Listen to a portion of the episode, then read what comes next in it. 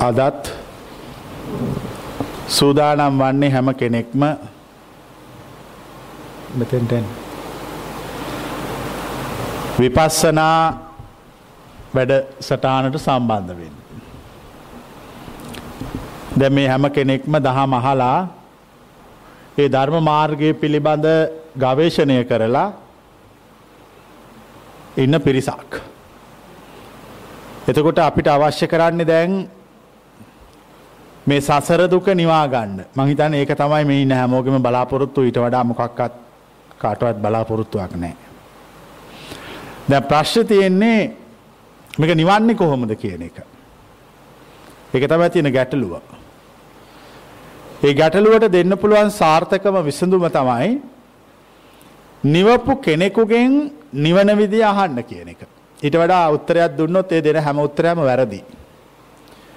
ඊට ප්‍රශ්්‍ය ප්‍රශ්නයක් එනෝ දැන් මේ හැමෝම කියනවා මෙත් නිවලා මෙත් නිවලා මෙත් නිවලා දැ මේ ඔක්කොම නිවපු අය අතර අපි කොහොමද හරිම කෙනා තෝරගන්නේ. එක තම ඊළඟ ප්‍රශ්න. දැන් ලොකු ප්‍රශ්නයක් තියෙනවනේ. ද මේ හරි එක්කෙන තෝරගන්න කොහොමද. හරි එක්කෙන තේරීම තමන්ට සාපේක්ෂකයි. තමුන්ගේ හදවත කියනවනං මේ කියන දේ හරි කියලා පුද්ගලය දිහා නොබල පිළිගන්න. එතුට කාට සාපේක්ෂෝද පිළිගන්න හදවතට සාපේක්ෂව. වෙන බාහිර සාපේක්ෂක හොයලා පිළිගන්න ගියොත් යම් දවසක ඒක වෙනස් වෙච්ච ගමන් අර පිළිගැනීම මොකක්ද වෙන් වෙනස් වෙනවා. හැමතිස්සෙම සත්‍ය පවතින්නේ ඔබේ හදවතත් එක්ක. හදවත තමයි සත්‍ය අසත්‍ය පෙන්නුම් කරන්න.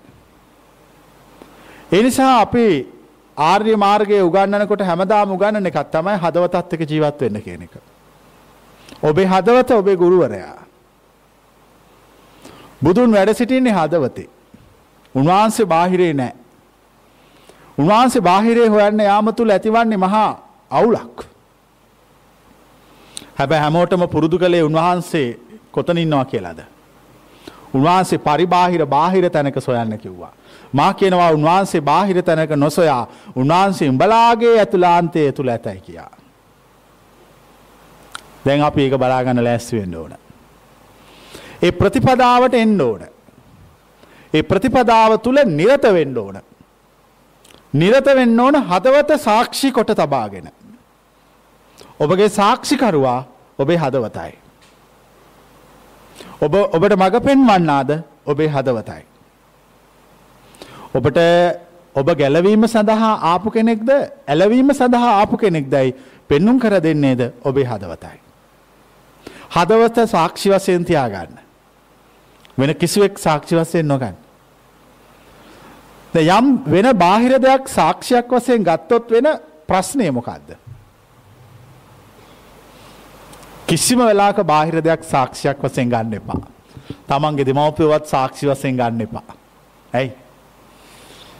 දෙමවපය සාක්ෂි වසයෙන් ගත්තාම තමුට සත්‍ය සොයා ගන්න බැහැ. හේතුව ඔවුන් කියන එක සත්‍යය කියලා අපි පූරුව නිගමන කොන්න. මං කියන්නේ තමන්ගේ දෙමවපියෝ සාක්ෂි වසයෙන් ගන්න එපා කියලා. තමන්ගේ දරුවෝ සාක්ෂි වසයෙන් ගන්න එපා කියලා. තමන්ගේ බිරිඳ නෑදෑයෝ සහෝදරයා සහෝදරිය සාක්ෂි වසයෙන් නොගන්න කියලා. මා කියන්නේ ඔබට සාක්ෂි වසයෙන් ඔබේ හදවත තියාගන්න. දැන් තමුන්ගිට ඉන්න සාක්ෂිකාරයෝ කී දෙනාද. එක්කෙනයි.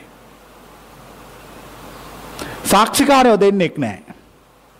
සාක්ෂිකාරයෝ එක්කෙනෙක් ඉන්න තැන සත්‍ය තියෙනවා. සාක්ෂිකාරයෝ දෙන්නෙක් ඉන්න තැන සත්‍ය නෑ. දැන් සාක්ෂිකාරයා වසයෙන් හදවත පිළිගන්න කැමති අය මේ පළවෙනි දවසේ දකුණුවත් උත්සල ප්‍රතිඥාදයෙන්. අපි කැමති අපේ ගැලවීම සාක්ෂිකාරය අවස්සයෙන් අපේ හදවත පිළිගන්න. එච්චරයි. ඔබේ හදවත්ත තුළ සත්‍ය තියෙන්නේ. කාට වැරදුරත් මට හරිනම් එච්චරයි. තමුන් මත ඉඳගෙන තීරණ ගත යුතුයි. මෙතෙකල් අපි ජීවිතය තීන්දු තීරණ ගන්න ගහම බාහිර සාක්ෂි විශ්ලේෂණය කළා. මෙයා කියපු නිසා අරය කියපු නිසා. අරගොල්ලොත් යන නිසා. මටත් ගියොත් හොඳ වේවී කියලා හිතන නිසා එය සියල්ල අත්හරින්න. ඔබේ හදවත සාක්ෂි වශයෙන් ගන්න. හදවත සාක්ෂි වශයෙන් අරගෙන යන ගමන තමයි නිවන් ගමන. දැන් කුමන කවරු සාක්ෂි වසයෙන් අරගෙන යන්න ලැස්තිවෙන අපි හදවත සාක්ෂි වසයෙන් අපි ගත්ත අපි හදවත කියන දේ විතර අපි අපේ අපේ අපේ ඇතුළ කියන දේ විතර අපි පිළිගන්න. ඒ මාර්ගය තමයි මං කෙනේ නිර්වාණ මාර්ගය එක හරි අමුතුයි. එක හරි එක රහසක්. හැබැයි රහස මම හරියටම දන්නවා. දැන් ඒ රහස මම දැනගත්තට ඒක ඔගොල්ලොන්ට වැඩක් නෑනේ. මම කියන්නේ මම දන්න රහස මා දේශනා කරන විට ඔබ හදවතට රහස දැනෙන්න ඕන. උන්වහන්ස කියන එක අපිට කලින් නොතේරුණාට අපිට උන්වහන්සේගේ වචන ඇහෙනකොට ඒ කියන්නේ අපිට හොඳට තේරෙනවා. ඒ කියන්නේ ඔබ කාත් එක්ක ජීවත් වෙන්න පටන් අරගෙනද? හදවත එක්ක ජීවත් වෙන්න පටන් අරගෙන. මම කියන්නේ හදවතේ සත්‍ය තියෙනවා. මේ හදවත විවෘත කළාම ඒ විවෘත කළ ගමන් එයා අවබෝධයට පත්වෙනවා. විවෘත කෙලීම තුළ අවබෝධයට පත්වෙන්න සූදානම් වෙන්න. වැසීම තුළ අවබෝධය නැත. විවෘත කිරීම තුළ අවබෝධය පවතිී. දැන් මෙහි ආවේ හදවත විවෘත කරගන්නද හදවත වහ ගන්නද. කොබලට විවෘත කරන්න අපුයි අපි ආවේ ඔබවහන්ස කියන කාල හදවත විවෘත කරන්න. කොබලන හදවත වහන්න ආපුයි. මාවට හදවත වසන්න ඉඩ දෙන්නේ මා හදවත විවෘත කරවනු. විවෘත කර නොගත්තොත් විවෘත කර නොගත්තොත් බලෙන් පැමිණ හදවත විවෘත කරනු. ඒ දේශනා ඇහුවාම කිසි කෙනෙකුට හදවත විවෘත කරනගෙන සිටින බෑ. අවංක සත්‍යවාදී අව්‍යාජ මිනිසුන් මා කියන වචන සහ හදවත විවෘත කරගන්නවා. එකසි කෙනෙකුට හදවත විවෘත කරගෙන ඉන්න තමුන්ගේ හිත ඉඩ දෙන්නේ. තමුන්ගේ හිත තමුන්ට කියනවා උඹට එච්චර වටින දෙයක් ඇහිලත් උඹේ පව්කාරකම උඹට තාම බැරි වුණා උඹේ සසර ගමනින් ගැලවෙන්න ක්‍රමයක් හොයාගන්න. ඒක තමයි පාර. ඒ පාර අහලා ඒ පාරට අනුගත වෙලා ඒ පාර යන්න ඕන. ඒකයි උඹට මා කරන නියෝගය කියා ඔබේ හදවත ඔබට කියනවා. කොවලන්න එහෙම කියපය තුස්සා. අපිට ඕක කිව්වා.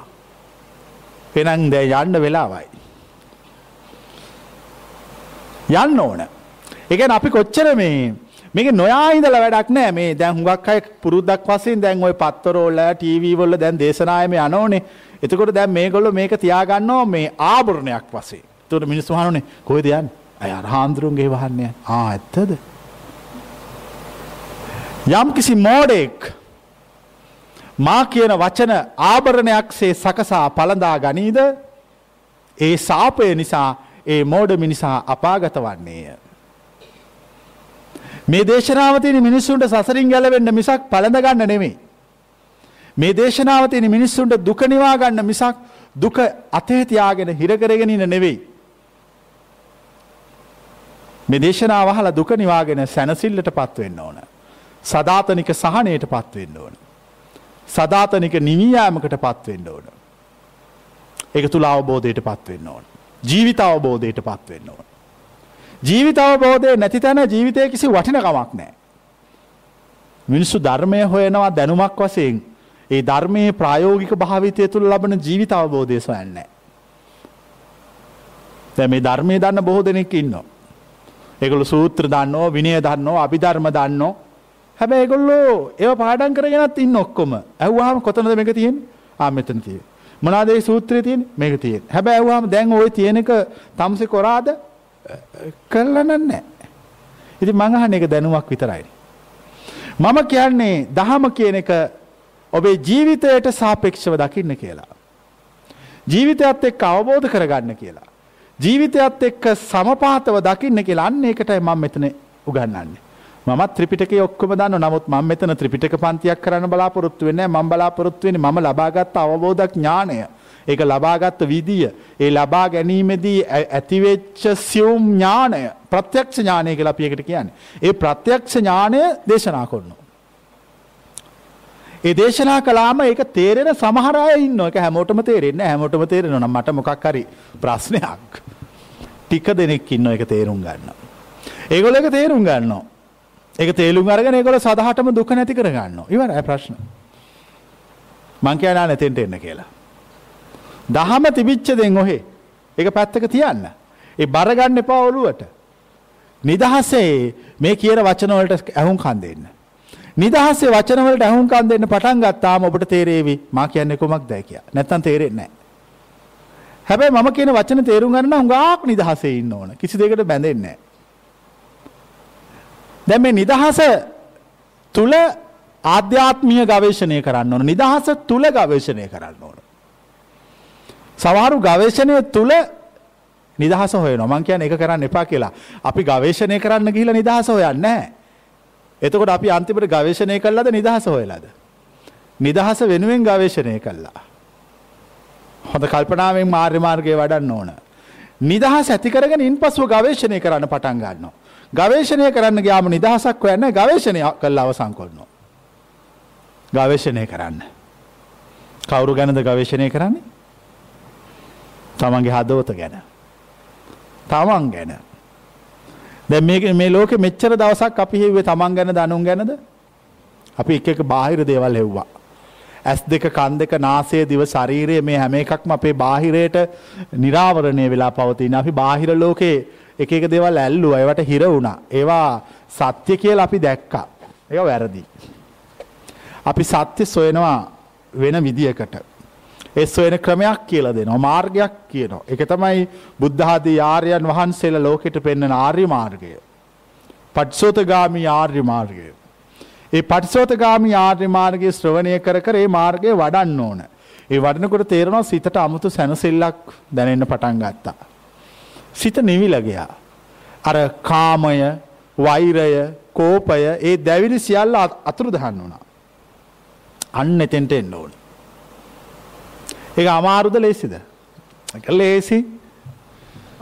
ඒක ලේසි. හැබැයි ඒක හරියට ඥානවන්තව තේරුම් අරගෙන වඩන්න ඕන. නැත්නම් ඒක අමාරුයි. පැටලෙන්න පුළුවන්.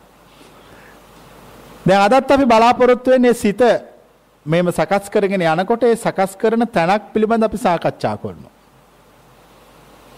දැන් මේ හැමෝම සිත පිළිබඳ එක්තරා ආකාරයකින් විවිධ හැඩතල ඔස්සේ ගවේෂණය කරපු අය ඉන්නේ. ඒගොල්ලෝ සිත ගැන ගවේෂණය කරනවා. සිත හැදෙන විදිය, සිත හදන විදිය. මම අහන්නේ මේ සිත හැදිච්ච එකක්ද හදන එකක්ද කියලා. කොබලන්න සිත හැදිච්ච එකක් කියන අය. අතුසන්. සිත හැදිච්ච එකක්. මම සිත කියලා අදහස් කරන්නේ දැන් මේ වෙලාවේ ඔබට තියෙන සිත හදපු එකක්. කොබලන්න හදපු එකක්. මං උත්තර දෙක අතර අහන්නේ ප්‍රශ්න දෙකයි ආන්නේ තුනක් හතරක් ආන්නේ මොකද ඒ තුනක් හතරක් ඇහුවාම මේ හදන එකක්. සිත හදන එකක්. මං අහන ප්‍රශ්නේ කොහොමද සිත හැදෙන්නේ? සිත හැදෙන රහසක් තියෙනවා. දැන් අපි මේ ඇපල් ගෙඩියක් අරගෙන ගෝරිල්ලෙක් මේ චිම්පන්සි කූඩුවක ඇපල් ගෙඩිය එල්ලන උඩ දැන් අපල් ගෙඩිය එලිලා තියෙනවා. දැන් චිම්පන්සියා බිම ඉන්නවා. දැන් චිම්පන්සියා ටිකක් වෙලා ගියාම බඩගිනි වුණාම වටපිට බලනකොට මොකද්ද දකින්නේ? ඇපල් ගෙඩියක් දකිනවා. දැන් මේ චිම්පන්සියා මොකද්ද කරන්නේ? චිම්පන්සියෙක් කිව්වේ මොකට තමයි මනුස්සය ළඟට ඥානවන්ත. මනුස්සය ළඟට මොලේ තියෙන චිම්පන්සින්ට. හැබැයි සත් කොක්කුන්ටත් මොලේ තියෙනවා කියලා ආරංචි මම පහුගිය දවසක කඩේකට ගියා තේ බොන්න. කඩයක් නෙමෙයි ඒක ලොකු හෝටලයක්. ගියා මෙතනිට ළමෙක් මට කිව්වා මේ හාමුදුරුවනේ මේ අපි කොක් මේ මාළුන්ට පාන් දානවා කිව්වා. කොක්කු ඇවිල්ලා ඒ පාන් කෑලි අල්ලලා මාළුන්ට දෙනවා කිව්වා. බලන්න මේ කොක් ඒක මම බැලුවේ මේ කොකා කොච්චර මොලේ තියනවද කියලා. ඊට පස්සේ අර පාන් කෑල්ල ගන්න මාළුව එනවලු. මාළු එනකොට කොකා මාළු අල්ල ගන්නවලු. පුදුම මේ ක්‍රම මනුස්සයට හොයාගන්න බැරි වුණ අච්චර. නමුත් මට කියන්න අවශ්‍ය කරන්නේ අර චිම්පන්සියා අපල් ගෙඩියේ කතාව. දැන් චිම්පන්සියා බිම ඉඳගෙන අර අපල් ගෙඩිය බලනවා. දැන් ඔබට එළියේ ඉඳගෙන මේ ගැන පූර්ව නිගමන කරන්න පුළුවන්. මොනවද කරන නිගමන? දැන් මේක මේක බලනවා. තව ටිකක් ගිහිලා මේක මේකට උඩ පනිනවා. තව තව ගිහිලා මොකක් මොකක් හරි කළා මේක මේකේ නගිනවා. නැගලා මේ අපල් ගෙඩිය කඩාගෙන කොහොම හරි කනවා. මා ඔබට කියන්නේ සිත හැදෙන්නේ එහෙමයි කියලා. හැමතිස්සෙම අනාගතය කෙරෙහි බලාපොරොත්තුවක් හදනවා. අනාගතය කෙරෙහි බලාපොරොත්තුවක් හැදිච්ච ගමන් අර ඒ බලාපොරොත්තුව සාක්ෂාත් කරගන්න අවශ්‍ය කරන පසුබිම අපේ ඇතුලාන්තය අපි හදනවා කොබලන් මං කියනව තේරෙන යතුසන් අපිට ඔබ වහන්ස කියනක තේරෙනවා. එනම් සිත හැදෙන්නේ මොකක් තියෙන කන්ද. බලාපොරොත්තු සහිත අනාගතයක්. බලාපොරොත්තු සහිත අනාගතයක් තියෙන තාක් සිත දුවනවා. දැන් අපි ආර්ය මාර්ගය අපි අලුත් එකක් උගන්නනෝ සියලු බලාපොරොත්තු අත්හරිනවා. අනාගතය අත්තරල දානොය කිරේ ඇති සියලු බන්ධන අත්තල්ල දාල අපි නිදහසේ බලන්න සූදානම් වෙන. අන්න එතකොට අපේ සිත හැදෙන එක නවතිනවා. දැන් අපි මේ සිත කොහොමත් දැනුත් හැදෙනවන දැම්ම ඉන්න ගමනුත් සිත හැදෙනවා. අනාගත දේවල් බල බල ඒවට සාපේක්ෂක ගොඩනංගනංග සිත හැදෙනෝ. දැ අපිට ඕන මේ සිත හදනක මොකක් කරගන්නේ. නවත්ත ගත්තොත් හරි නිදහස්නේ. දැ සිත හදනක නවත්වන්න කළ යුතු දේ තමයි සිත පිළිබඳ පරීක්ෂාවෙන් සිටිනෝ. සිත පිළිබඳ පයක තම විපස්සනා එක තම අපි උගන්නන්න මෙහෙ. සිත පිළිබඳ පරීක්ෂාවෙන් සිටිනෝ. සිත පිළිබඳ පරීක්ෂාවෙන් සිටිනකොට සිත දුවන විදිය. අරමුණු සොයන විදිය. අරමුණුවල ඇලෙන විදිය. ඒ ඇලිච්ච අරමුණත් එක්ක ඉන්න විදිය.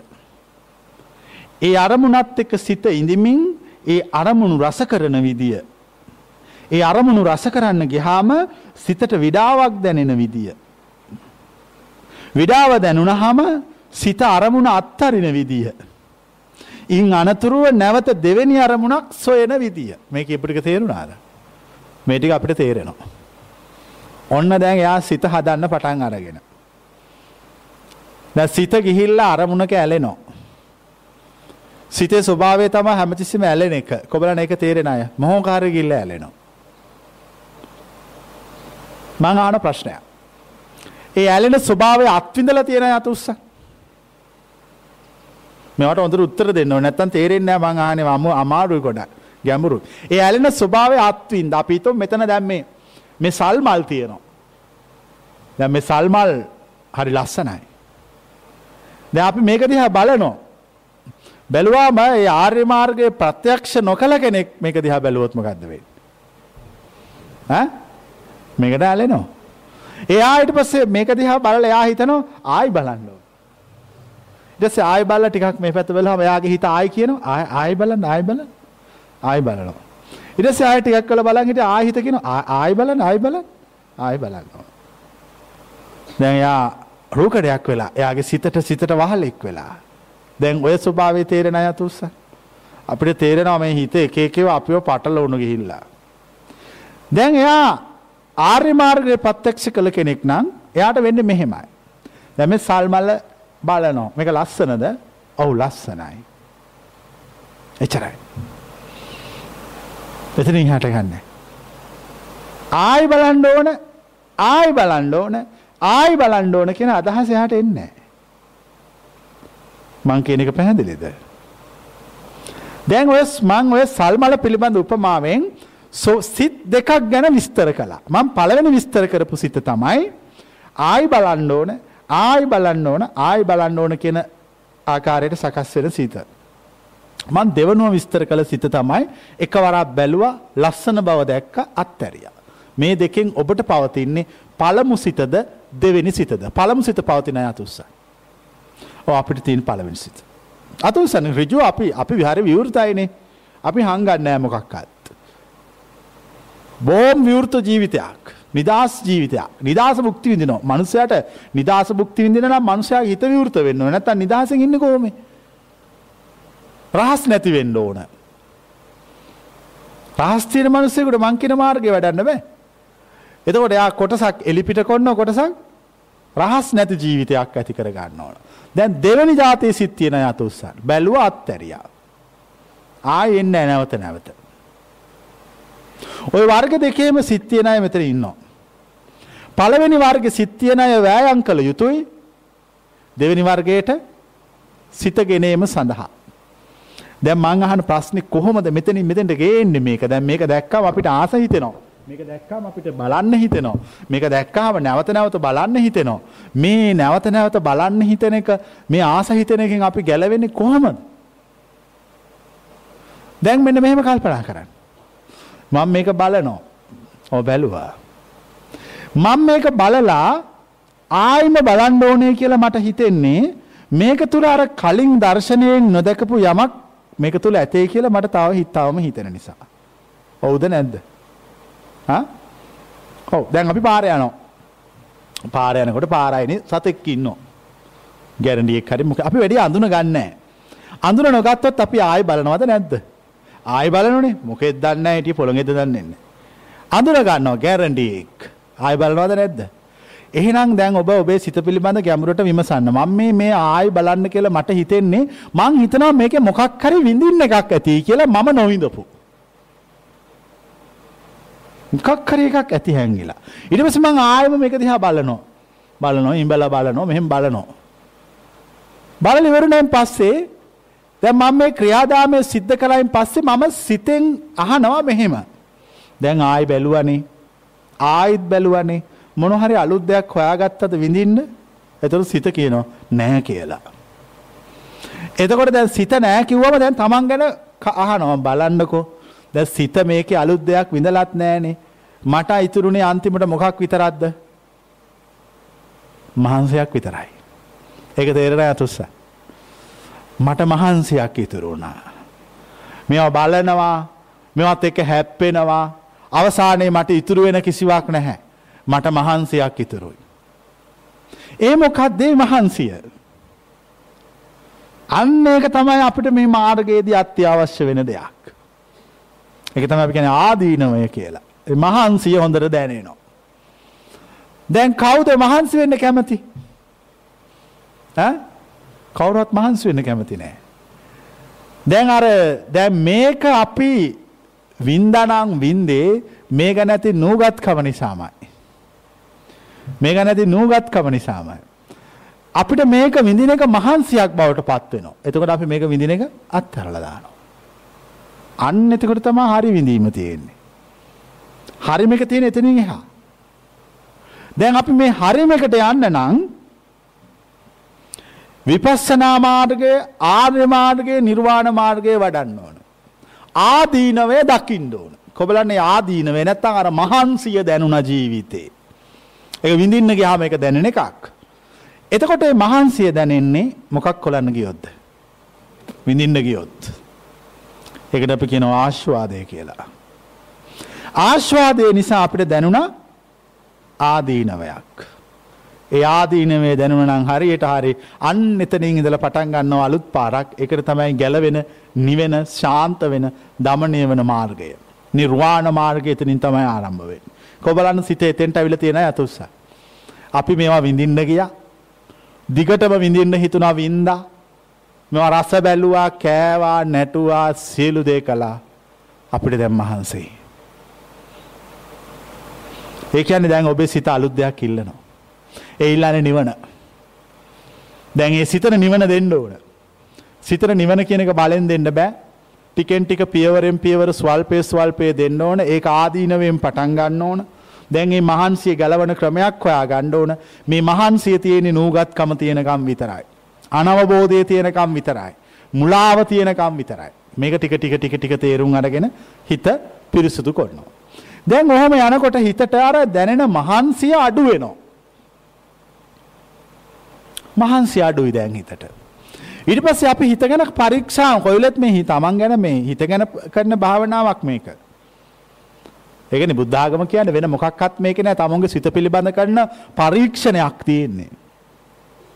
දැන් මෙහෙම කලක් යනකොට අපිට තේරෙනවා සිත බැඳෙන ගතිය අඩු වෙලා. දැන් අපි හිතමු වෙනදනම් අපිට මේ මලක් දැක්කම මේ මල බලන්න ඕන මේක තියාගෙන ඉන්න ඕන මේක පර වෙනකන් තියාගන්න ඕන.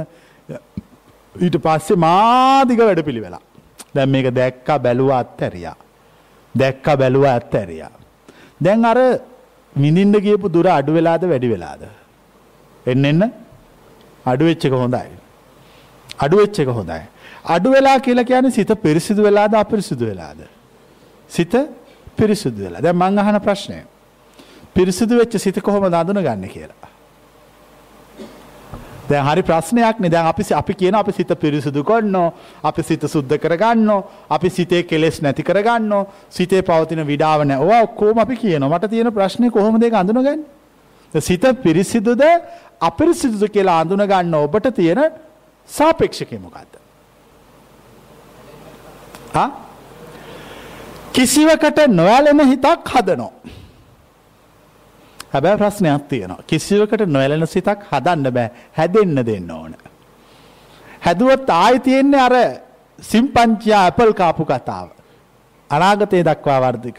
નિરાයාස සිතකට හැදෙන්න වටපිට අපේ ඇතුළාන්තේ සකස් කරනවා. ඇතුලාන්තයේ සිත નિરાයාසයෙන් හැදෙන්න දෙනවා. નિરાයාස සිතක්. ඒ ආර්ය මාර්ගයේ ආයාසයෙන් වඩන මාර්ගයක් නෙමෙයි. ඒක નિરાයාස මාර්ගයකුත් නෙමෙයි. ඒ දෙකටම අයිති නැති එකක් ඔය සංයුත්ත නිකායේ පළවෙනි සූත්‍රයේ ඕගතරණ සූත්‍රය. ඕගතරණ සූත්‍රයේ නිවන් මඟ තියෙන්නේ. එක දේවතාවෙක් ගෞතම බුදුහාමුදුරුව හම්බෙන්නේ ලුණ්ණාන්සේකින් අහනෝ ස්වාමීනි ඔබ වහන්සේ හරි අමුතු එකක් දෙයක් දේශනා කරනවා. ඒ කරන අමුතු දේශනාව තමයි ඔබ වහන්සේ කියනවා ඔබ වහන්සේ මහන්සි වුණෙත් නැතිලු. නිකන් හිටියෙත් නැතිලු. මහන්සි වෙන්නෙත් නැතුව නිකන් හිටියෙත් ඉන්නෙත් නැතුව මේ කාම භව දිට්ටි අවිජ්ජා කියන සිව්මහා ගං සිව්මහා සාගරය සංසාර සාගරයෙන් ඔබ වහන්සේ ඊතර වුණාලු. ඔබ වහන්සේ පීනුවෙත් නැතිලු. නිකන් හිටියෙත් නැතිලු. ඒතර උන්වහන්සේ කියනවා පීනන්න ගියා නම් උඩ පාවෙනවා. නිකන් හිටිය නම් ගිලෙනවා. මම පීනන්න ගියෙත් නෑ. ඒ කියන්නේ මහන්සි වුණෙත් නෑ. මම නිකන් හිටියෙත් නෑ. ඒ කියන්නේ නොපීන සිටියෙත් නෑ. පීනන්න ගියෙත් නැතුව පීනන්න නැතුව ඉන්නෙත් නැතුව මේ දෙකට නැති ක්‍රමයකින් මම මේ සසරෙන් ගියා. අයින් වුණා. මොකක්ද ඒ ක්‍රමය? ඔන්න ඕක තමයි අපි හොයාගත්තා නම් හරි. ඒ ක්‍රමය ඒ ක්‍රමය තමයි මේ උගන්වන්නේ. ඒ ඒක තමයි ආර්ය මාර්ගය. ඕක ඕක තරණ සූත්‍රය. ඕකේ තරණය කරන විදිය. මහන්සි වෙන්නෙත් නැහැ නිකන් ඉන්නෙත් නැහැ. වෑයම් කරන්නෙත් නැහැ නොකරන්නෙත් නැහැ. කල්පනා කරන්නෙත් නැහැ නොකරන්නෙත් නැහැ. හිත හදන්නෙත් නැහැ නොහදන්නෙත් නැහැ. සිතට වද දෙන්නෙත් නැහැ නොදෙන්නෙත් නැහැ.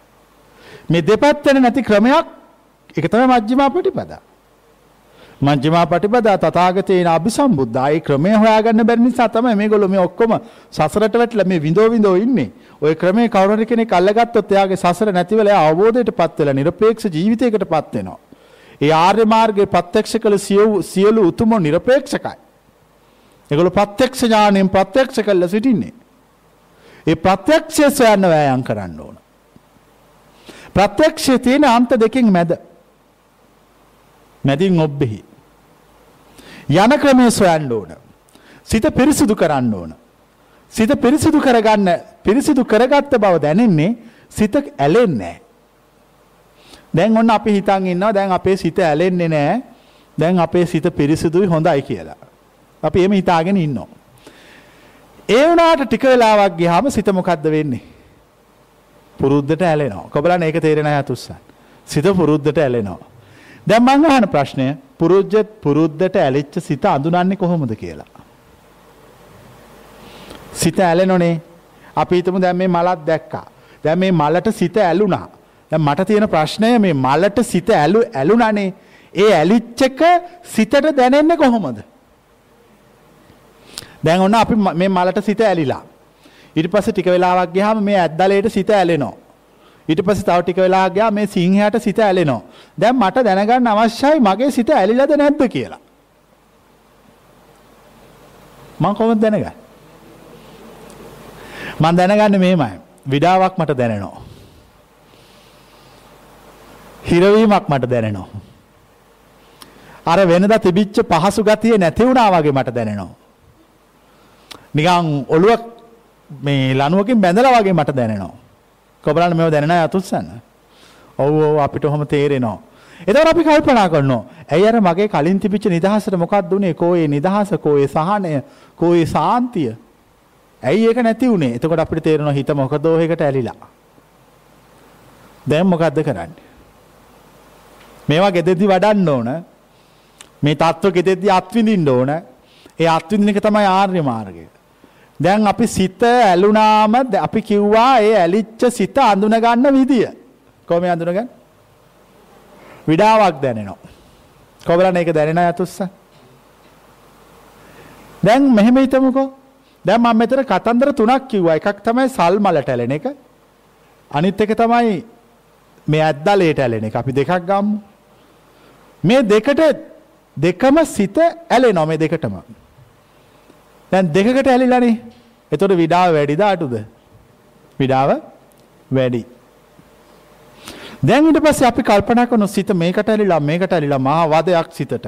සිතට දැනෙනවා බරක් අපිට නිදහස නැහැ. අපිට නිදහස නැති වෙලා තියෙන අපි මේවට ඇලිච්ච නිසා. ඇයි අපි මේවට ඇලුනේ? දැන් අපි අපි පරීක්ෂා කරනවා. ඒතර හිතනවා මේ ඇද්දලේට මං ඇලුනා. ඒ ඇලෙන්න හේතුව තමයි මම කල්පනා කළා මේක ලක්ෂ ගාණක් වෙනවා. මේක ගොඩක් වටිනවා. මේක මම වටිනවා මේක ලක්ෂ ගාණක් වෙනවා කියලා මම මේකට වටිනකම් හැදුවා. වටිනකම් හදලා මම මගේ හිතට කිව්වා මේ ලක්ෂ ගාණක් වෙනවා. වටිනෝ ඇලියා. ඔහොම කියලා තමයි ඇලෙව්වේ. තේරුණාද කියන එක? ඈ දැන් ඊට පස්සේ මම කල්පනා කරනවා. දැන් මේක ලක්ෂ ගාණක් වෙනවා. මේක වටිනෝ. මේක මට මටින්නේ මීට වඩා එකක් මෙතෙන්ට ලැබෙන අන්තිම වෙලාව වෙනකම් විතරයි. ඊට පස්සේ මට මේකේ සත පහකටවත් වටිනකමක් නැහැ. ඒ කියන්නේ මම සාපේක්ෂ වශයෙන් ඇලෙනවා. ඇලෙනවා නෙමෙයි. සාපේක්ෂ වශයෙන් ඇලෙනවා. මේ ඇද්දලේ හොඳයි කියලා සම්මත කරන්නේ මීට වඩා එකක් මෙතෙන්ට නැති නිසා. මීට වඩා එකක් මෙතෙන්ට කවුරු හරි ගෙනාවෙන් පස්සේ කියන ඔන්න ඕක විසි කළා දාන්න ඔය පරණ ඇද්දල දෙක. දැන් ඊට පස්සේ අරකට ඇලෙනවා. අරක අලුත් එකට. මම හොඳට කල්පනා කළාම තේරෙනවා මං හරි මෝඩයි. මං අහන්නේ තව ප්‍රශ්නයක්. දැන් මේ මේ ඇද්දලේ ගැන හිතුවා අපි ඊට පස්සේ අපි මේ මීට වඩා හොඳ ඇද්දලයක් ගැන කල්පනා කරලා ඒකට ඇලුනා. එතකොට මේ හිත හැමතිස්සෙම මොකද්ද සොයන්නේ? ඇලෙන්න සාපේක්ෂකයක් හොයනවා. විකල්ප හොයනවා. විකල්ප විකල්ප බින්න බහින තැන් හොයනවා සිත. සිත එක එක තැන් හොය හොයා බින්න බහිනවා. බින්න බහැලේ තැන්වල සිත නැවතිලා තියෙනවා. සිත නැවතිලා තියෙනකොට අපිට විඩාවක් දැනෙනවා. ඒ විඩාව දැනෙනකොට තමයි අපිට තේරෙන්නේ සිත කොතනදෝ තැනක අපිට වැරදිලා සිත මොකක්දෝ එහෙකට ඇලිලා. කොබලන් මේවා තේරෙනවා යතුස්ස. සිත ඇලිලා. සිත ඇලිච්ච බව දැනගන්න පෙර නිමිත්ත මොකද්ද? විඩාවත් දැනීම. විඩාවත් දැනීම. යම් කිසි කෙනෙක් මා මේ දේශනා කරන ආර්ය මාර්ගයේ ගමන් කරනකොට ඒ ආර්ය මාර්ගයේ ගමන් කරන ආර්ය ශ්‍රාවකයාට විඩාවක් දැනෙන හැම වෙලාවකම එයා කල්පනා කළ යුතුයි මට කොතනදෝ තැනක වැරදිලා. ඒ ආර්ය මාර්ගයේ වඩන කේ වෙලේ නවත්තන්න ඕන. නවත්තලි වෙල්ලා එයා යාගේ පිටිපස්සට පිටිපස්සට ගිහිල්ලා බලාගෙන යන්න ඕන කොහෙද මං ඇලුනේ? කොතන දෙල්ල තියෙන ආ මේ තියෙන්නේ මම මෙතන ඇලිලා මෙතන ඇලිච්ච නිසා තමයි මට නොදැනුවත් ඒ විඩාව ඉස්සරහින් ආවේ. විඩාවත් ඒ කාර්ය මාර්ගයක් වඩන්න බැහැනේ. විඩාව තියෙන ජීවිතය තමයි ලෞකික ජීවිතය. ලෞකික ජීවිතය තුළ තියෙන අසහනකාරී බව. ලෝකෝත්තර ආධ්‍යාත්මී ජීවිතය තුළ තියෙන සහනශීලී බව. නිවීම. ඒ සහනශීලී බවට ඇතිවෙන ප්‍රතිපදාව තමයි මේ දේශනා කරන මාර්ගය. ලෞකික ජීවිතයේ විඩාව තියෙනවා ලෝකෝත්තර ජීවිතයේ විඩාවක් නැහැ. දැන් ඔබට විඩාවක් ලෝකෝත්තර ජීවිතය ඇති වෙච්ච ගමන් පස්සෙන් පස්සට පස්සෙන් පස්සට ගිහිල්ලා බලනවා ඇයි මේක ඇති වුනේ. එතකොට බලන්න කොහේ හරි තැනක ඇති මොකක් හරි ඇලිච්ච එකක්. මොකක් හරි එකට ඇලිලා තියෙනවා. දැන් අපි කොහොමද මේ ඇලිච්ච එකෙන් ගැලවෙන්නේ? අපි සිතට නියෝග කළොත් සිත ගැලවෙනවද නැද්ද? එහෙම ගැලවෙන්නේ නැහැ සිත. සිත කියනගේ ඔයා කිව්වට මට ගැලවෙන්න බෑ. ඔය ඔයාටගේ අදහසනේ ඔය අර හාඳුරු කියන ඒවා අහලා නෝ ගැලවෙන්න කියන්නේ. ඒ වුණාට මං ඒකට ලෑස්ති නෑ. මේ කවුද කියන්නේ? එයාගේ හිත එයාට කියනවා. ඒ කියන ඒවා වට මම ලෑස්ති නෑ. මම ගැලවෙන්නේ නෑ. ඒතකොට අපි කියනවා ගැලවෙන්නේ නෑ නේ එහෙනම්. හරි. අපි දෙන්නම එහෙනම් මෙතනින් එම්මු මුකුත් කරන්නේ නැතුව. දැන් අපි අර සිත දිහා සිහියෙන් බලන් ඉන්නවා. සිහියෙන් බලන් ඔන්න බලන්න මේ මේ කොන්නකොට වෙන වැඩි. දැන් සිහියෙන් බලන් ඉන්න. දැන් මේ ඇද්දලේට ඇලිච්ච සිත ඒක ඇලිලා තියෙද්දි අපි ඒක දිහා බලන් ඉන්නවා. සිත කියනකොට ඒ සිත කියනකොට ටිකක් වෙලා යනකොට මේ හරි අමාරුයි නේ මේ ඇරිලා ඉන්න එක. එතකොට අපි කියනවා ඒක තමයි මම කිව්වේ. ඒක තමයි මම කිව්වේ. කියල හෙමින් සිත ගලවනෝ. ඒ ගලවනකොට ආසිත කියනවා මේ මේ මේ ගලවන්නෙන්න එපා ගලවන්නෙන්න එපායේ උන්නාන්ස කියනවා මාත් එක්ක හරියන්න මම මම මම ඇලෙනවා ඒ වුණාට එයා ආයෙ ගිහිල්ලා ඇලෙනවා ආයෙ ඇලෙලා ඉන්න දෙනවා අපි එතන ළඟට වෙලා සිහියෙන් ඉන්නවා ටිකක් කළා ගියාම සිත කියනවා හරි අමාරුයි ඇරිලා ඉන්න එකනේ ඒක තමයි මම කිව්වේ. ඒක තමයි මම කිව්වේ කියලා. ආයෙ පොඩ්ඩක් ගලව ගන්නවා. අන්න එහෙම ගලවන්න. ඔන්න ඔහොම ගලවන්න. දැන් ওই ක්‍රමය මේ වෙනකොට කරපුවා අතුස්සන් අපි ඕක කරලා බැලුවා. හරි. දැන් මේ කියනවා හරි ඔබ වහන්සේ කියනවා හරි අපිත් ඕව කරපුවා තමයි ඔය කියන්නේ. ඌට වඩා හොඳට මම ආවනම් උතෙන්ට කියනවා. අතුස්සන් බලන්න කියනයි අපෝ මට පුළුවන් ඌට වඩා හොඳට ඕව කියලා දෙන්න. මේ මම ඕව කොල්ල තියෙන්නේ ඔක්කොම. මේ කියනවා හරිම ප්‍රායෝගිකයි හැබැයි ප්‍රශ්නේ තියෙන්නේ මේ කියනවා පොතක නැති එක කිසිම පොතක මේව නැහැ ඉතින් මම කියන්නේ පොතක තිබුණා නම් මම කියන එකේ වටිනකමකුත් නැහැ ඇයි ඒ පොත පාඩම් කළා ඒ පොතේ තියෙනව හොයාගෙන ඇවිල්ලා මෙතන දෙසා බානවා. ඊට වඩා ලේසි අර මිනිස්සුන්ට පොත අච්චු ගහලා කිව්වනම් මෙන්න මම පොත අච්චු ගහ ඕක අරගෙන ගිහලා ගෙදර ගිහලා බලා ගන්න. ආර්ය මාර්ගයේ පොතක සටහන් කරන්න බැරි එකක්. ඒක ප්‍රායෝගික භාවිතයෙන් දන්න එකක්. දැන් සිත අර ඇලිච්ච සිත ගැන ප්‍රත්‍යවේක්ෂාවෙන් සිටිනවා. 100න් ඉන්නවා. 100න් ඉන්නකොට ටික ටික ගැලවෙනවා. දැන් සිතේ ස්වභාවය තමයි කොච්චර ගැලවුණත් ආයෙ ගිහිල්ලා මොකද්ද වෙන්නේ? ආයෙලා.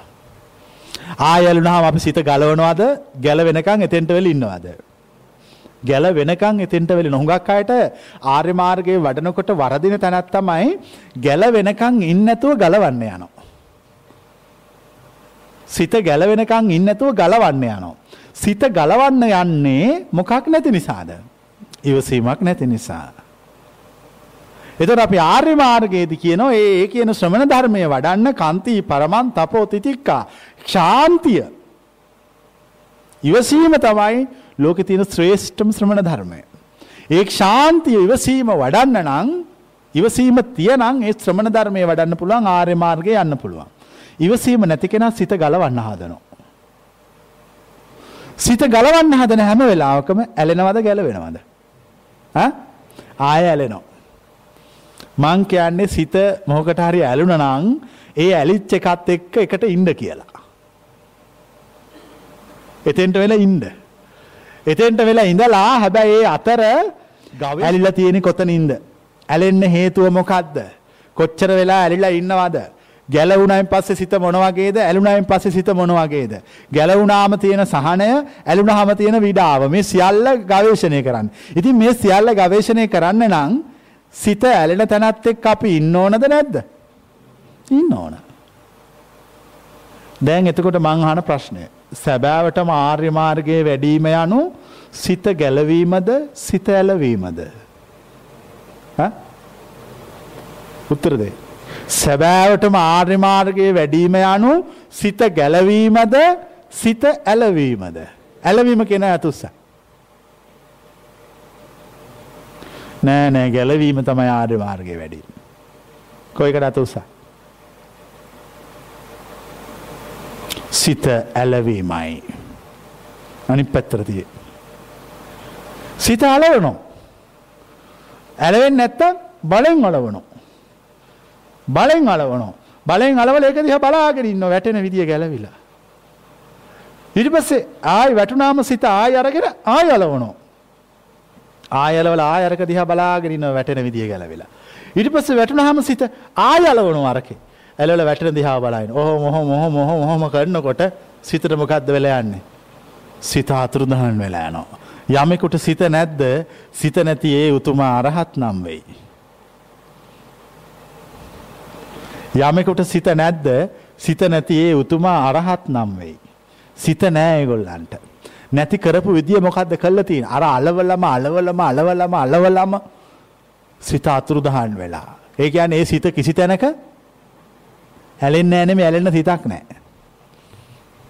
ඇලෙන්න සිතක් නැහැ. අලවලම බලලා ඒක. එතකොට මේ මාර්ගය වඩන්න තියෙන්නේ හරි අමුතු ඒ කියන එක. ආර්ය මාර්ගය කියන එක ඔබේ දැන් දැන් ඔන්න කවුරු හරි මේ දේශනාව හොඳට අහනවා. ආලෙවිල්ල කියනවා අද උන්වහන්සේ දේශනා කළා ඇලවීම තුල තමයි මාර්ගය තියෙන්නේ කියලා. මං දැන් ගිහිල්ලා ඒ වචනේ හරිද කියලා මට බලන්න ඕන පරීක්ෂා කරලා මම සිත අලවනවා. දැන් එයා එයාගේ සිත ඇලෙන අරමුණක් හොය හොයා යනවා. ඔන්න එයාට අරමුණක් අහු වුණා. එයා අහුවෙච්ච අරමුණ තමයි මේ මල කියලා අපි හිතමු. එයා මේ මල්ට ගොඩක් ආසයි ගොඩක් කැමති. දැන් එයාට කියලා තියෙන ආර්ය මාර්ගයේ වඩන්න මේකට ඇලෙන්න කිව්වනේ. දැන් මෙයා මේකට ඇලුනා. ඇලිලා මේක දිහා බලාගෙන ඉන්නවා. ටික වෙලාවක් යනකොට මොකද්ද වෙන්නේ? එපා වෙනවා. වැඩක් නැහැ කියලා හිතෙනවා. එතකොට එයා කල්පනා කරනවා. කල්පනා කරනවා. හොඳට මතක තියාගන්න නිර්වාණ මාර්ගයේ අවබෝධය ඔබට ලැබෙන්නේ ඇලවී ඉන්න කාලය තුල ලබන අත්දැකීම් ටිකෙනොයි.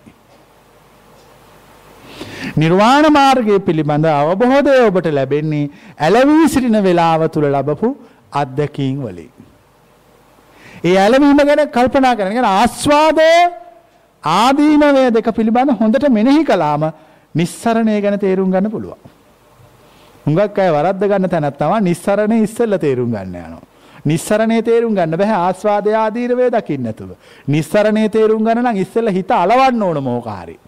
ඇලවිල ඒක දිහා බලාගෙන ඉන්න ඕන.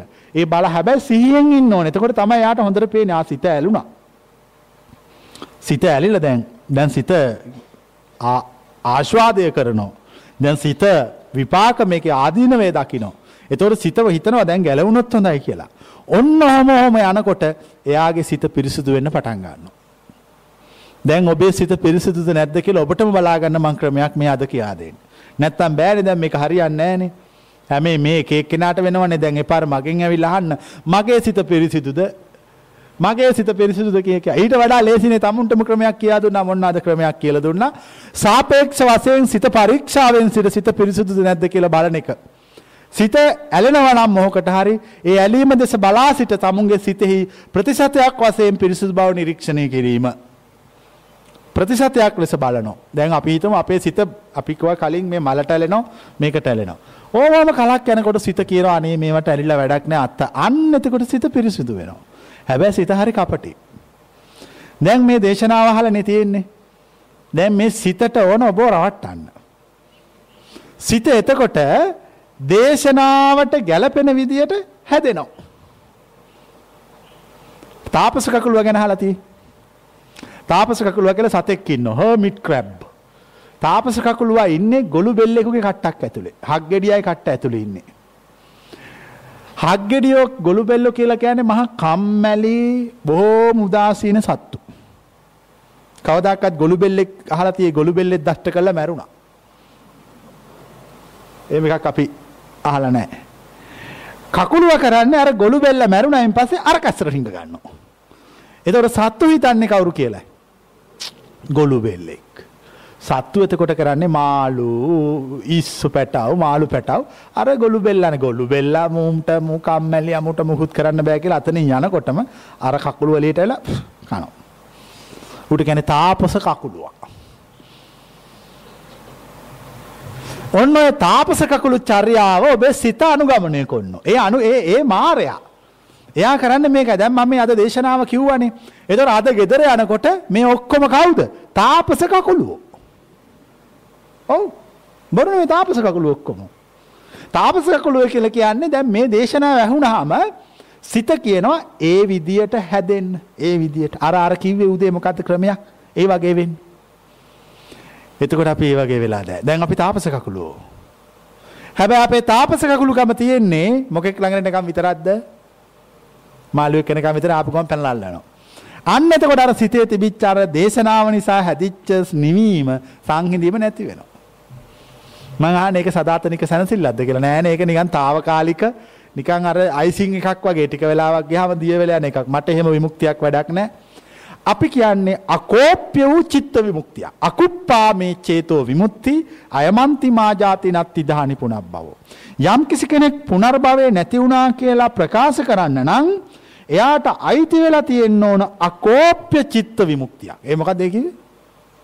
දම්සප්පැතුම් සූත්‍රයේ තියෙන අකුප්පා මේ චේතෝ විමුක්ති අයමන්ති මාජාති නත්ති දහනි පුනබ්බව. මගේ චිත්ත විමුක්තිය අකෝප්‍යයි. සොලවන්න බෑ කාටවත්. ඒක සොලවන්න බෑ කාටවත්. ගැන සොලවන්න මුකුත් ඒකේ චිත්ත විමුක්තිය හොල්ලන්න බෑ. හොල්ලන්න බැරි චිත්ත විමුක්තියක් තියෙන කෙනා තමයි පුනර්භවය නැති කරපු කෙනා. දැන් පුනර්භවය නැති කරන්න නෙමෙයි ඔක්කොම ඇවිල්ලා තියෙන්නේ. එහෙනම් මෙතන ඇති කරගන්න ඕන මොකද්ද? අකෝප්‍ය චිත්ත විමුක්තිය. අකෝප්‍ය චිත්ත විමුක්තිය ඇති වුණයින් පස්සේ නැති වෙන්නේ මොකක්ද. පුනර්භවය මේ මේ පුනර්භවය නැති කරන ක්‍රමයක් ලෝකෙ නෑ. ඒක මහා අමුතු නිවන් මගක් මේ පුනර්භවය නැති කරන නිවන් මගක් තියෙනවා එහෙම එකක් මට නම් තේරෙන්නේ මට තේරෙන්නේ අකෝප්‍ය චිත්ත විමුක්තියක් ලැබුවාම එහි ප්‍රතිඵලයක් ලෙස පුනර්භවය නැතිවීමක්. එච්චරයි මට තේරෙන්නේ. මන් දන්නේ නැහැ ඔයගොල්ලන්ට මට වඩා එකක් තේරෙනව නම් ඉතින්. පුනර්භවය නැති කරන ක්‍රමයක් ලෝකේ නැහැ. තියෙන්නේ ක්‍රමය අකෝප්‍ය චිත්ත විමුක්තිය ලබන්න. ඒ අකෝප්‍ය චිත්ත විමුක්තිය ප්‍රඥා විමුක්තිය නිසා ඒක ලැබුවාම පුනර්භවය ඈ පුනර්භවය නැති වෙනවා.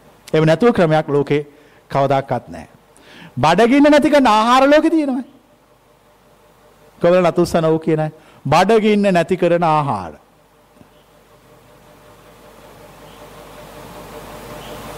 මට නම් තේරෙන්නේ නැහැ මේ ප්‍රශ්නෙට උත්තරය. බඩගින්න නැති කරන ආහාර. ආහාර නිසා මොකද්ද වෙන්නේ? බඩගින්න නැති වෙනවා ඒක හරි. ඒකට මං එකඟයි. හැබැයි බඩගින්න නැති කරන ආහාර කියන එකට මං එකඟ නැහැ. අන්න ඒ වගේ තමයි පුනර්භවය නැති කරන ක්‍රමයක් ලෝකෙ නැහැ. ලෝකෙ ක්‍රමයක් තියෙන අකෝප්‍ය චිත්ත විමුක්තියකට. ඒ අකෝප්‍ය චිත්ත විමුක්තියෙහි අතුරු ප්‍රතිඵල ලෙස අතුරු ප්‍රතිඵල ලෙස පුනර්භවය නැති වෙලා යනවා. නිර්වාණ ධාතුව ප්‍රත්‍යක්ෂ වෙනවා. නමුත් මෙතන අපිට අවශ්‍ය කරන්නේ අකෝප්‍ය චිත්ත විමුක්තියක් නෙමෙයි අපිට ඕන මොකද්ද? පුනර්භවය නැති කරගන්න ක්‍රමයක්. ඒ නිසා අපි සම්මත ලෝකේ කියනවා නිර්වාණ ධාතුව ප්‍රත්‍යක්ෂ කරගත්තන් පස්සේ අයමන්ති මා ජාති නත්ති දහනි පුනබ්බවෝ කියලා. මට ආයෙ ඉපදීමක් නැහැ කියලා කියන කිසි ප්‍රශ්නයක් නැහැ. හැබැයි එහෙම ඉපදීමක් නැහැ කියලා බොරුවට කෑ ගහලා හරියන්නේ නැහැ. ඒ ඉපදීම නැති කරපු ක්‍රමය කරන පිළිවෙල වචනෙන් වචන කියන්න පුළුවන් වෙන්න ඕනේ. ඒ කියන්න පුළුවන් වෙන්නත් ඕනේ. කියන එක අනිත් මිනිසුන්ට තේරෙන්නත් ඕන. ඒ තේරුණත් වැඩක් නැහැ. මේ මිනිස්සුත් එතෙන්ට එන්න ඕන. නැත්තම් වැඩක් නැහැනේ නිකන් මහා මේ නාට්‍යයක් බැලුවා වගේ වැඩක්නේ. ඇවිල්ලා රඟපාලා ගියා නළුව ටික නාට්‍ය බලපු මිනිස්සුන්ට නළුව වෙන්න බැරි වුණා කවදාකවත්. මම කියන්නේ ඒ නාට්‍ය පෙන්න ඉවරුණාම බලපු ඔක්කොමත් නළුව වෙන්න ඕන කියලා. ඒක තමයි ඒ කියන ආර්ය මාර්ගය කියන නිර්වාණ ධාතුව. ඒක හරි අමුතුයි. හැබැයි ඒකට එන සිත පිරිසිදු කරන්න ඕන. සිත පිරිසිදු බව තමුන් අත්විඳින්න ඕන. දැන් අද මං මේ වෙලාව ඇතුළත වෑයම් කරන්න උගන්වන්න ඒ සිත පිරිසිදු බව අත්විඳින්නේ කොහොමද කියලා පෙන්눔 කරන්න. සිත ඇලෙන්න ඕන ඉස්සෙල්ලා හොඳට. දැන් මේ ඉන්න හැමෝගෙම මං හිතන්නේ සිත එක එක තැන්වල ඇලිච්ච අය ඉන්නේ. කලින් ජීවිතේ උඟාත් දේවල් වලට ජීවිතේ මුහුණ දීලා. එක එක දේවල් විශ්වාස කළා. එක එක දේවල් හොඳයි සුබයි කියලා සම්මත කළා.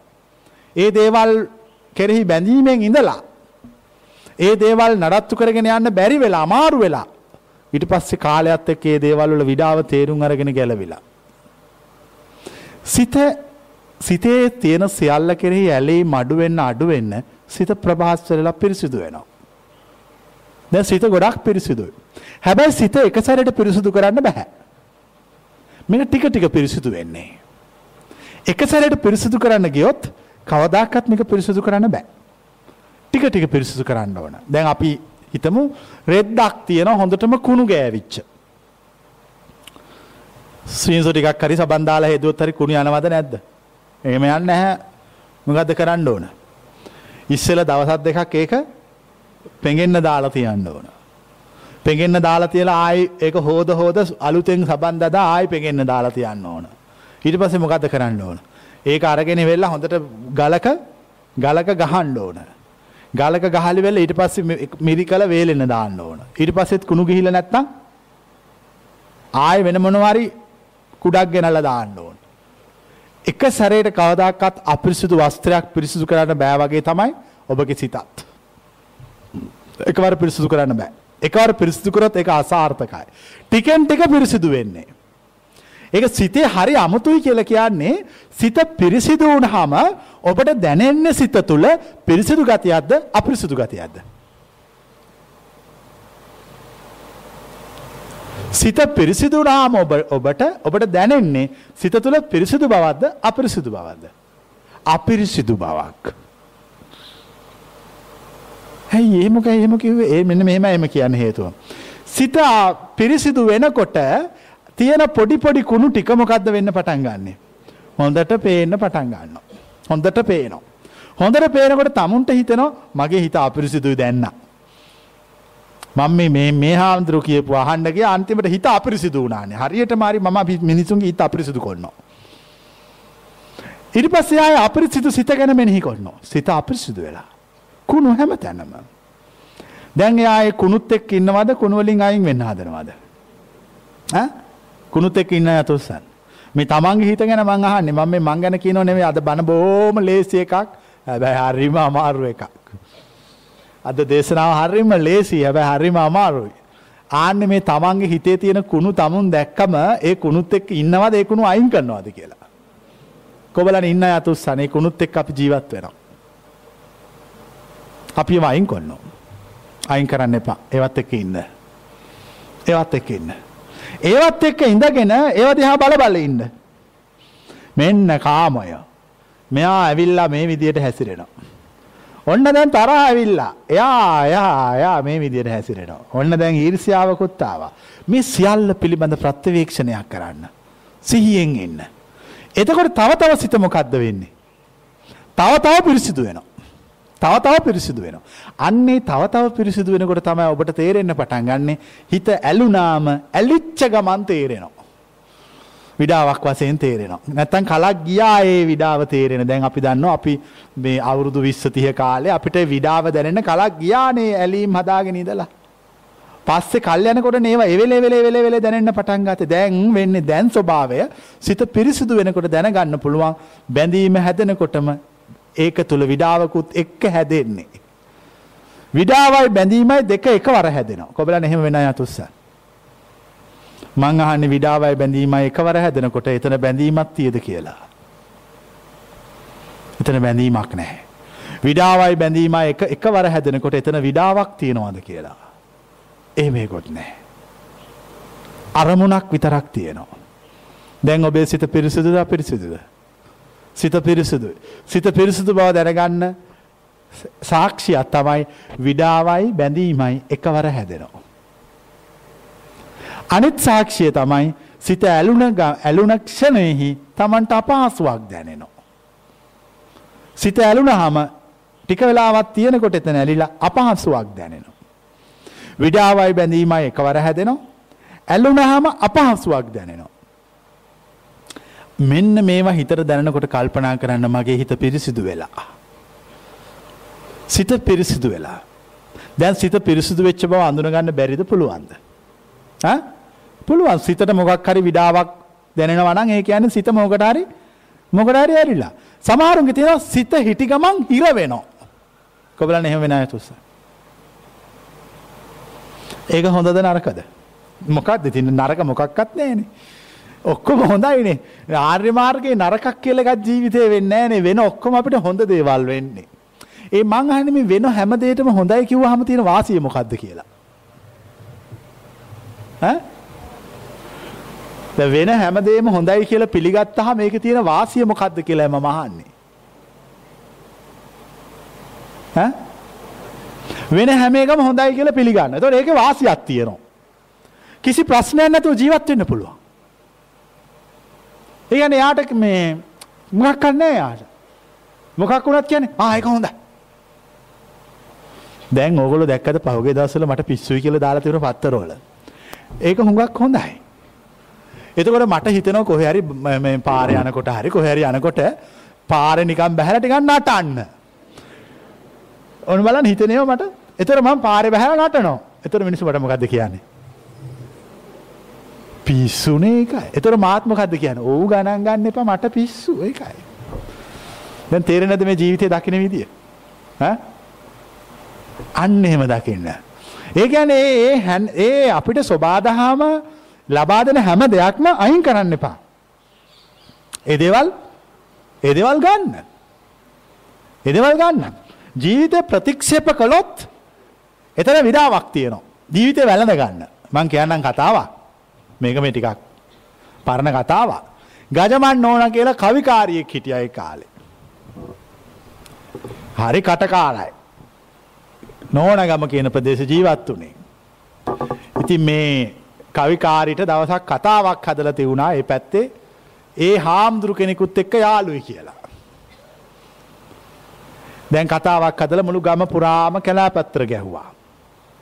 මෙයා මොකක් දන්නවද කළේ. ඔවු මම යාලුයි මං ඒ හාමුදුරුත්තක යාලු වෙලා හිටිය උඹලටත් ඒ පින් අනුමෝදන් කරනවා කියලා කලා පත්තරයක් ගැහ්වා. ඕම නෙමේ හොඳ කවියකින් ගැහුව ඒ කවිය මෙතන කියන්න ඕනේ මේ කැලෑපත්තරයක් ගැහුවා. බාරගත්තා. මම මේ කියනවා තේරෙනවද? එයා ඒව බාරගත්තා. ඉතින් මම අහන්නේ ඉතින් බාරගත්තම ප්‍රශ්නයක් නැහැ එතකොට දැන් අර මනුස්සයා පාරේ යනකොට අර මනුස්සයාට බයිනෝ. මොකක් කියලා බයිනේ? හා ඔය යන්නේ කවි කී කීටියට අර ආන්දරොත් එක්ක යාළුයි. සිටිනාමලු ආන්දරොත් එක්ක යාළුයි කියලා තමයි හැදුවේ. ඒතර ඒ අම්මන්ඩි මොකද වැඩි විස්තරයක් කියන්නේ නැහැ. ආ ඔය යාළුවයි මතක නැද්ද? ඔයාලට පිනුත් දුන්නා ඒ පින්කමේ. ජීවිතේ මිනිස්සු බාර ගන්න බයයි. මං කියන්නේ ජීවිතේ බාර ගන්න කියලා. දැන් කවුරු හරි මොකක් හරි කාට හරි අපහාස කරනවා. අපහාස කර ගමන් බාර ගන්නවද ප්‍රතික්ෂේප කරනවද? මං කියන්නේ බාර ගන්න කියලා. ඇත්තද? ඔව් හරි තමයි. ඔව්. දැන් ඔන්න අපි කවුරු හරි කියනවා ආ ඔන්න තමුන්නාන්සේට ළමයෙක් ඉන්නවා. දැන් එතකොට අපි කවුරුත් එක්ක හරි මේ යනවා ළමයෙකුත් එක්ක. එතකොට කවුරු හරි කියනවා ඔය අර ළමයාද? ඔව් ඔව් ඒ ළමයා තමයි. මේ ඉන්නේ. ලස්සනද? ආ හොඳයි එහෙනම් ලස්සනයිලු. එච්චරයි. මං කියන දේ තේරෙන්නේ නැද්ද? ජී දැන් හුඟක් මිනිස්සුන්ගේ ජීවිතේ දුක ඇති වෙන්නේ මිනිස්සු ජීවිතේ බාර ගන්නෑ. ජීවිත ප්‍රතික්ෂේප කරන්න හදනේ ප්‍රතික්ෂේප කරන්න එයාගේ එයා හදාගත්ත මමත්ව රාමුවක් තියෙනවා. එයා එතකොට බාර ගන්න නැහැ රාමුවට ගැලපෙන දේවල් ටික විතරයි. මම කියන්නේ ඔක්කොම බාර ගන්න කියලා. ඔක්කොම බාර ගන්න. ඔක්කොම දේවල් බාරගත්තයින් පස්සේ ජීවිතේ කිසි දුකක් නැහැ. ඒ ඔක්කොම දේවල් බාර ගන්න කෙනා තමයි ජීවිතේ පරම සත්‍ය අවබෝධ කරන්නේ. නැති කෙනෙක් හැම හැමදාම කරන්නේ ඒ රාමුව සීමාව තුළ සත්‍ය සොයාගෙන නවතිනවා. දැන් ඕගොල්ලොන්ට මේ මාර්ගය අවසන් කරගන්න බැරි වුණොත් ඒ අවසන් කරන්න බැරි වෙන එකම එක දේ වෙන්නේ ඕගොල්ලෝ මොකද්දෝ කොටුවක් නඩත්තු කරගෙන ඉන්නවා. හැබැයි ඒක නැති කරගන්න පුළුවන් මිනිස්සු නින්දා කරන්න පටන් ගත්තාම මිනිස්සු අපහාස කරනකොට බොරු චෝදනා කරනකොට ඒ සියල්ල මොනෝ කරනවයි. බාර ගන්නවා. ඔව් ඔව්. ඔව් කියලා බාර ගන්න. දැන් කිව්වොත් පිස්සු ආ මට පිස්සු කියලා බාර ගන්නවා. ළමයි 100ක් ඉන්නවා ආමයි 100ක් ඉන්නවා කියලා බාර ගන්නවා. කියන කියන ඔක්කොම ඔක්කොම බාර ගන්න. ප්‍රශ්න ඉවරයි. අන්න එතෙන්ට හිතපත් වෙන්න ඕන. දැන් හැබැයි ඕක කියන්න ලේසි. දැන් හිතන ඕ ආන්දරට කියන්න ලේසි. ඕක කරගන්න එකනේ. ඉතින් මම අහන්නේ දැන් අපි ඔය ඉපදිච්ච දවසේ සතියක් දෙකක් තුනක් ගියාම අර පොඩි ළමයාට ඇල්ල කියනවා ආ ඔයාට පිස්සු. ඒ පොඩි ළමයා මොකද්ද කියන්නේ? මොකක් කරන්න ඒ දිහා බලාගෙන ඉන්නවා. ඊට පස්සේ පොඩි ළමයා ළඟට ඇවිල්ලා කියනවා ඔයාට ළමයි ඉන්නවා. එතකොට එයා මොකද්ද කරන්නේ? බලාගෙන ඉන්නවා. ඉතින් ඒ විදිහට ඉන්නකෝ. ඒ කියන්නේ ඒ විදිහට ඉන්න පුළුවන් නම් එයාට පෞරුෂයක් තියනවද නැද්ද? නැහැ. පෞරුෂයක් නැහැ. ඒ නැති එක තමයි යාගේ පෞරුෂය. නැති පෞරුෂය ඇවිල්ලා. අන්නේ නැති පෞරුෂය තමයි ආර්යයන් වහන්සේලාගේ පෞරුෂය. එච්චරයි. දැන් මෙතන වෙලා තියෙන මේගොල්ලෝ මේ පෞරුෂයක් කියලා මොකද්ද ඉබිකටුවක් හදාගෙන. දැන් ওই බාර ගැනීම නොගැනීම සාපේක්ෂක වශයෙන් අර ඉබිකට්ටට සාපේක්ෂව අරගන්න. මං කියන්නේ ඉබිකට්ටට කුළු ගෙඩියකින් හරි ගහලා කුඩු කොල්ල දාන්න කියලා. ওই පෞරුෂය. කුඩු කොල්ල දාලා ජීවිතය දෙස බලන්න. එතකොට මම මේ කියන දහම අවබෝධ වෙනවා. එතකොට ඔබ නින්දා ලැබිය යුත්තේද ප්‍රශංසා ලැබිය යුත්තේද? සමාජයෙන් නින්දාම ලබන්න. නින්දාම ලබන්න. දැන් නින්දාම ලබන්න කිව්වහම කියනවා අනේ ඒක නම් ටිකක් අමාරුයි කියලා. එහෙනම් මෙහෙ එන්න එපා. වෙන කොහරි ගිහලා බෝධි පූජාවක් තියාගෙන ඉන්න. මෙහෙ ඇවිල්ලා මෙහෙ කියන මාර්ගයේ වඩන්න අවශ්‍ය කෙනා නින්දාම ලබන්න ඕන. අගෞරවම ලබන්න ඕන.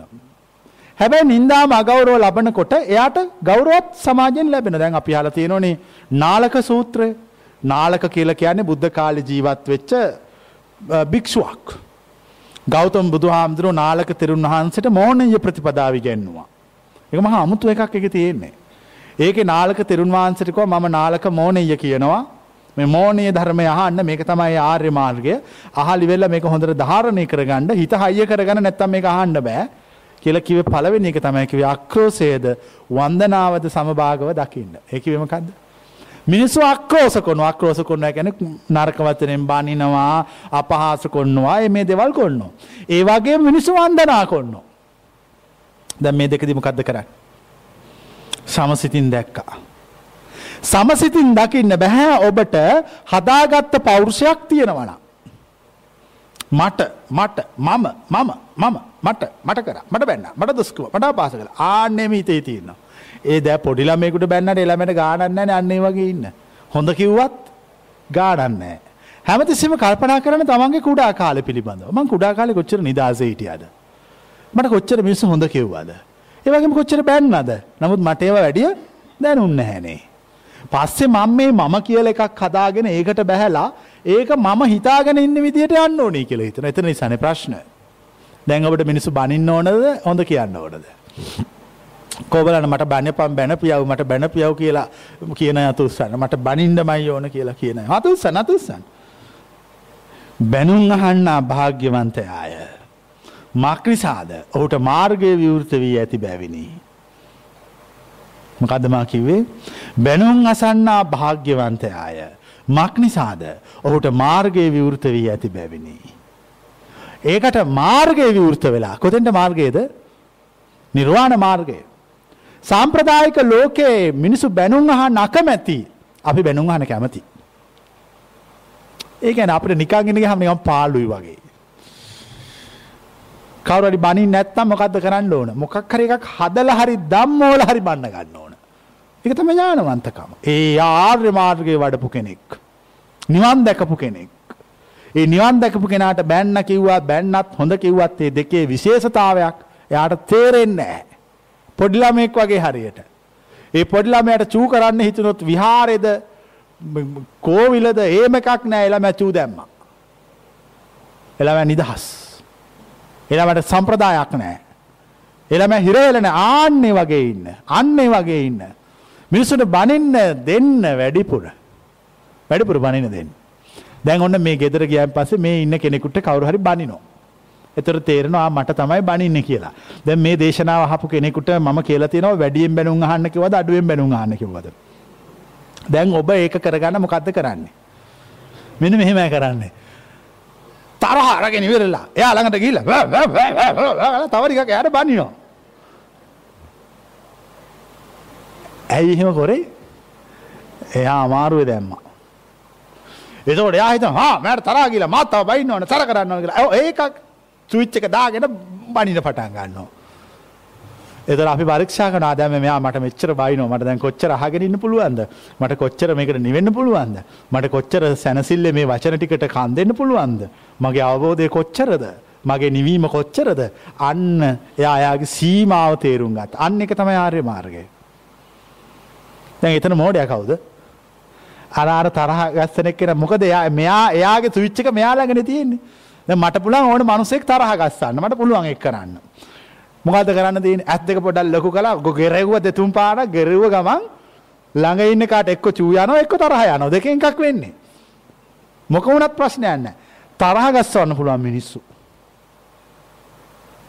ඒ මම තරහගන්න ති ම තරහ න ම මගේ සුච්චික යාරගෙන යාගේ සුච්චික ම අරගෙන සුවිත් මාරු කරගෙන. මේ සමාජය ඉන්න මෝඩ නූගත් මිනිස්සු අන්දන්න පුළුවන්. මං කෙනෙක තේරෙන් නැද්ද. දැන් ඔගොල්ලෝ ගෙදර ගිහිල්ලා ඕක කළා බලන්න මම මේ කළා ගුටි කාලා තියෙනේම ඔක්කොම කළා ඉවෙල්ල කියන්නේ. මෝඩයි මිනිස්සු. මිනිස්සු නිවන්නාද මිනිස්සු කලබල කරන්නාද මම වෙමි. ඒ දෙකම මට කරන්න පුළුවන්. ඒක තමයි ඥානවන්ත භාවය කියන්නේ. දෙකම කරන්න පුළුවන්. මිනිස්සු මෝඩයි. හැබැයි මේකෙන් අපිට සමාජයේ ජීවත් වෙනකොට අපි සමාජයෙන් ලබන්න අපකීර්ති. නින්දා අපහාස ඒ සියල්ල සතුටින් ලබන්න දැන් ගක් අයට වෙලා තියෙන්නේ ලාබාලාභ යසායස නින්දා ප්‍රසංසා කියන අටලෝ දහමේ හතරකට කැමති ලාබොල්ට කැමති යස කීර්ති ප්‍රසංසා. අලාභ අයස නින්දා දුක. මේ හතරට කැමති නෑමන් ගැන මේ හතරම හොයන්න කියලා. ඒ ආර්ය මාර්ගයේ මුල වඩන කෙනෙක් අර නරක හතර හොයන්න ඕන්. මට බැනපුදේ මට නින්දා කරපුදේ මට දොස් කියපුදේ ඒ මේ මෙහෙම මේවා හොයාගෙන යනකොට එයාගේ හිත මධ්‍යස්ත වෙනවා. ඒවට අකමැති වුණොත් මොකක්ද වෙන්නේ ආයසිත.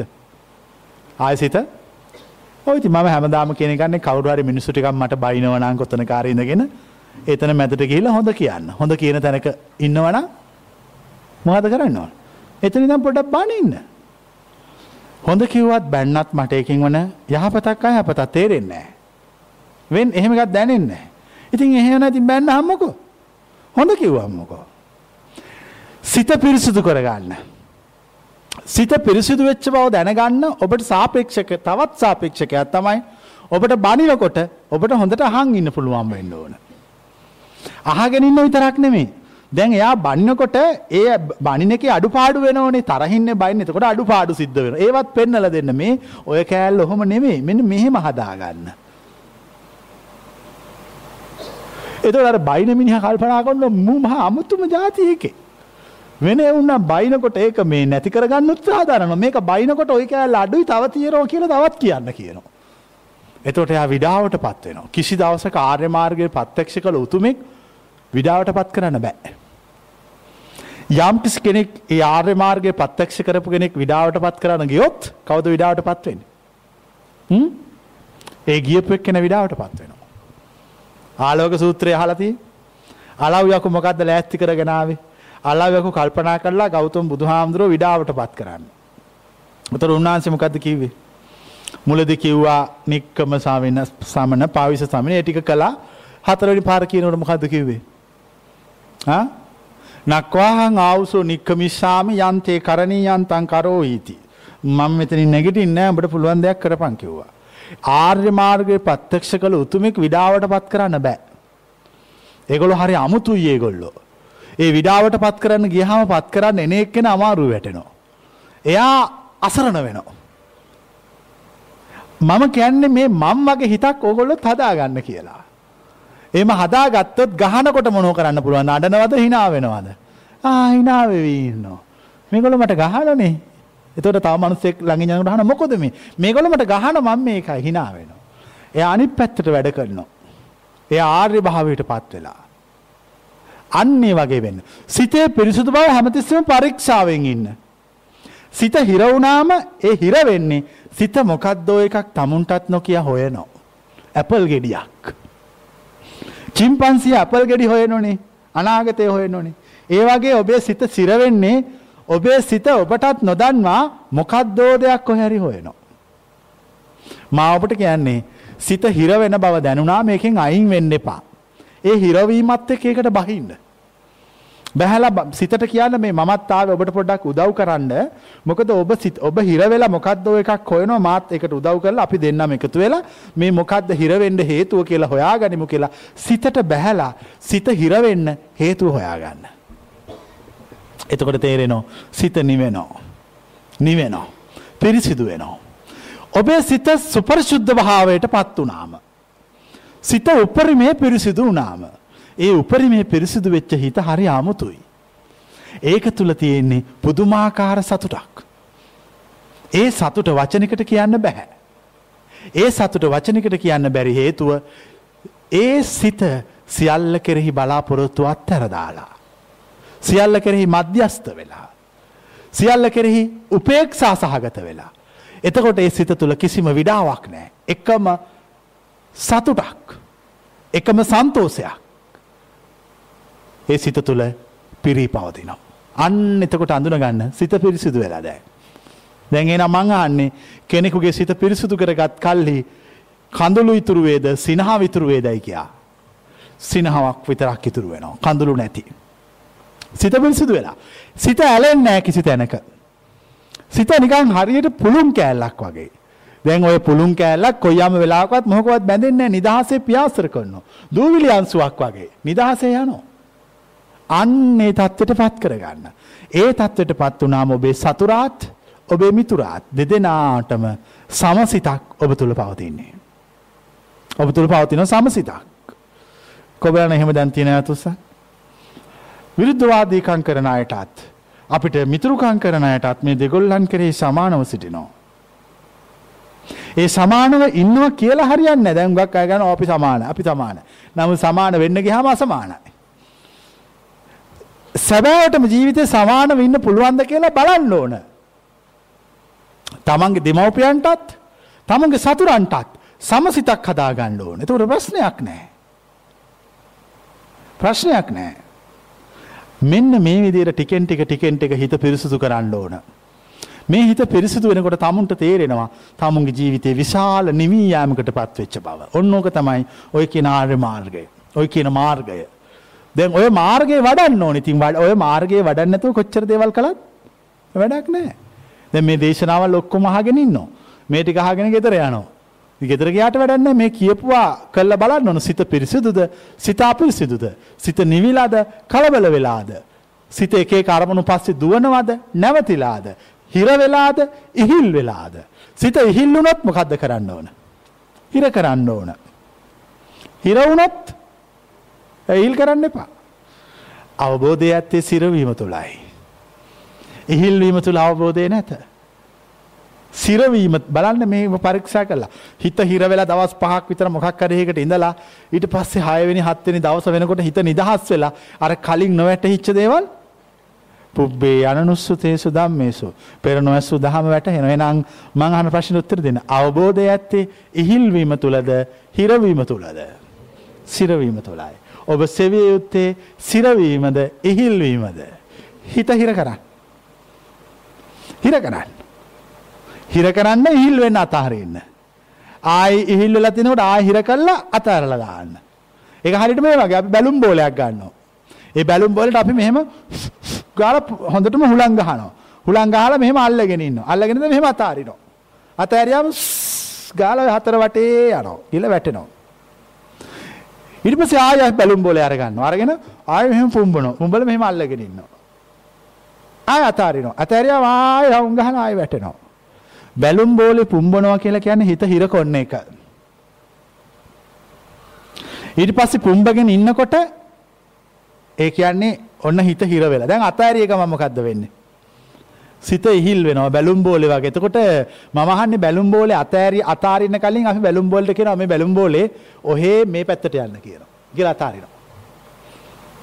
මොන පැත්තට යන්නේ? කියනවා නෑ බැලුම්බෝල බැලුම්බෝලට පැත්තට යන්නේ. අන් සිත ඉහිල් කරනකොට බලපෑම් කරන්න එපා. නිදහස ඉහිල් වෙන්න දෙන බැලුම්බෝල උපමාව. හොඳ උපමාවක් ඒක. ආය හුලන් නැතුව නිකම් බැලුම්බෝලයක් තියාගන්නත් එපා වැඩක් නෑනේ. බැලුම්බෝල තියෙනවා මේක පුම්බන්න. මොකද්ද කරන්න ඕනේ බැලුම්බෝලයක් නම් එකෙන් මොකද්ද වෙන්න ඕනේ? ඒක පුම්බන්න ඕන. ආය අරගෙන මේක පුම්බනවා. හොඳටම පුම්බනවා. පුම්බලි වෙලා ආය මෙහෙම අල්ල ගන්නවා. අල්ලගෙන අතාරිනවා. දැන් අද ගෙදර යනකොට බැලුම් බෝලයක් අරන් යන්න. ගිල පුම්බන්න. පුම්බලා අතාරින්න. අතාරලා මේක දිහා බලන් ඉන්න. අනිවාර්යෙන් කියනවා ඔන්න මෙයාටත් පිස්සු කියලා. මොකද උන් දන්නේ නැහැ අපි මේ බැලුම් බෝල සෙල්ලම මොකද්ද කියලා. මේ කියන එක තේරෙනවද? මේ කිව්වේ ලොකු කතන්දරයක්. සිත හිර කරන්න කිව්වා සිත ඉහිල් කරන්න කිව්වා. ඒකට උපමාවක් කිව්වා බැලුම් බෝලයක් පුම්බන උපමාව. අර බැලුම් බෝලේ පුම්බන වගේ සිත හිර කරන්න. සිත හිර කරන්න මං ක්‍රම කියන්නම්. අරමුණු දෙ පෙන්වන්න අනාගතය පෙන්වන්න බලාපොරොත්තු පෙන්වන්න සිතටක් ගාලා හිර වෙනවා. ඊට පස්සේ අත්තරලා දාන්න ඉහිල් වෙන්න දෙන්න ආහිර කරන්න අත්තරලා දාන්න අර බැලුම් බෝලේ පුම්බන උපමාව හොඳට මතක තියාගන්න. සිත ඉහිල් වෙනකොට තමයි හිර වෙලා තිබිලා ඔබට අවබෝධය ලැබෙන්නේ. අවබෝධය ලැබෙන්නේ මාර්ගයේ පටිසෝතගාමී මාර්ගයක්. ඒකේ අනුසෝතගාමී දේවල් මුකුත් නැහැ. හිතන්න බැරි දේවල් තියෙන්නේ.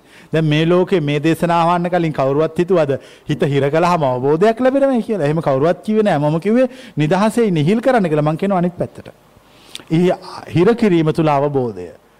ඒ හිර කිරීම තුල ඇතිවෙච්ච අවබෝධය දැනෙන්නේ ඉහිල්වීම තුල. දැනෙන්නේ ඉහිල්වීම තුල. ඉහිල්වීම තුල දැනෙන්නේ නැහැ හිර කිරීමක් නැති තැනක. දැන් සිත පිරිසිදුද කියලා බලාගන්න පුළුවන්ද බැරිද? ඈ පුළුවන් අයතු සන අපිට දැන් පුළුවන් සිත පිරිසිදු වෙලාද අපිරිසිදු වෙලාද කියලා බලා ගන්න. ඔන්න ඔච්චරයි කරන්න ඕන. දැන් ඔය පරීක්ෂා ටික ඔය කියපු දේවල් ටික කර කර හිටියත් ඒත් මදයි. වෙන ලොකු ලොකු දේවල් අවශ්‍ය නැහැ. ඔය ටිකත් ප්‍රමාණවත් තමුන්ගේ හිතකින් තමුන්ට පරීක්ෂා කර ගැනීම සඳහා. සිත පරීක්ෂාවෙන් සිටින එකට චිත්තානුපස්සනා. චිත්තානුපස්සනා කියන්නේ ඒක සිත ගැන පරීක්ෂාවෙන් සිටිනවා. පරීක්ෂාවෙන් සිටීමෙන් සිත ගැන සොයනවා හැමතිස්සෙම. ඇත්තටම මේ අපිට ලොකු ලොකු දේවල් හොය හොය යන්න ඕනේ නැහැ.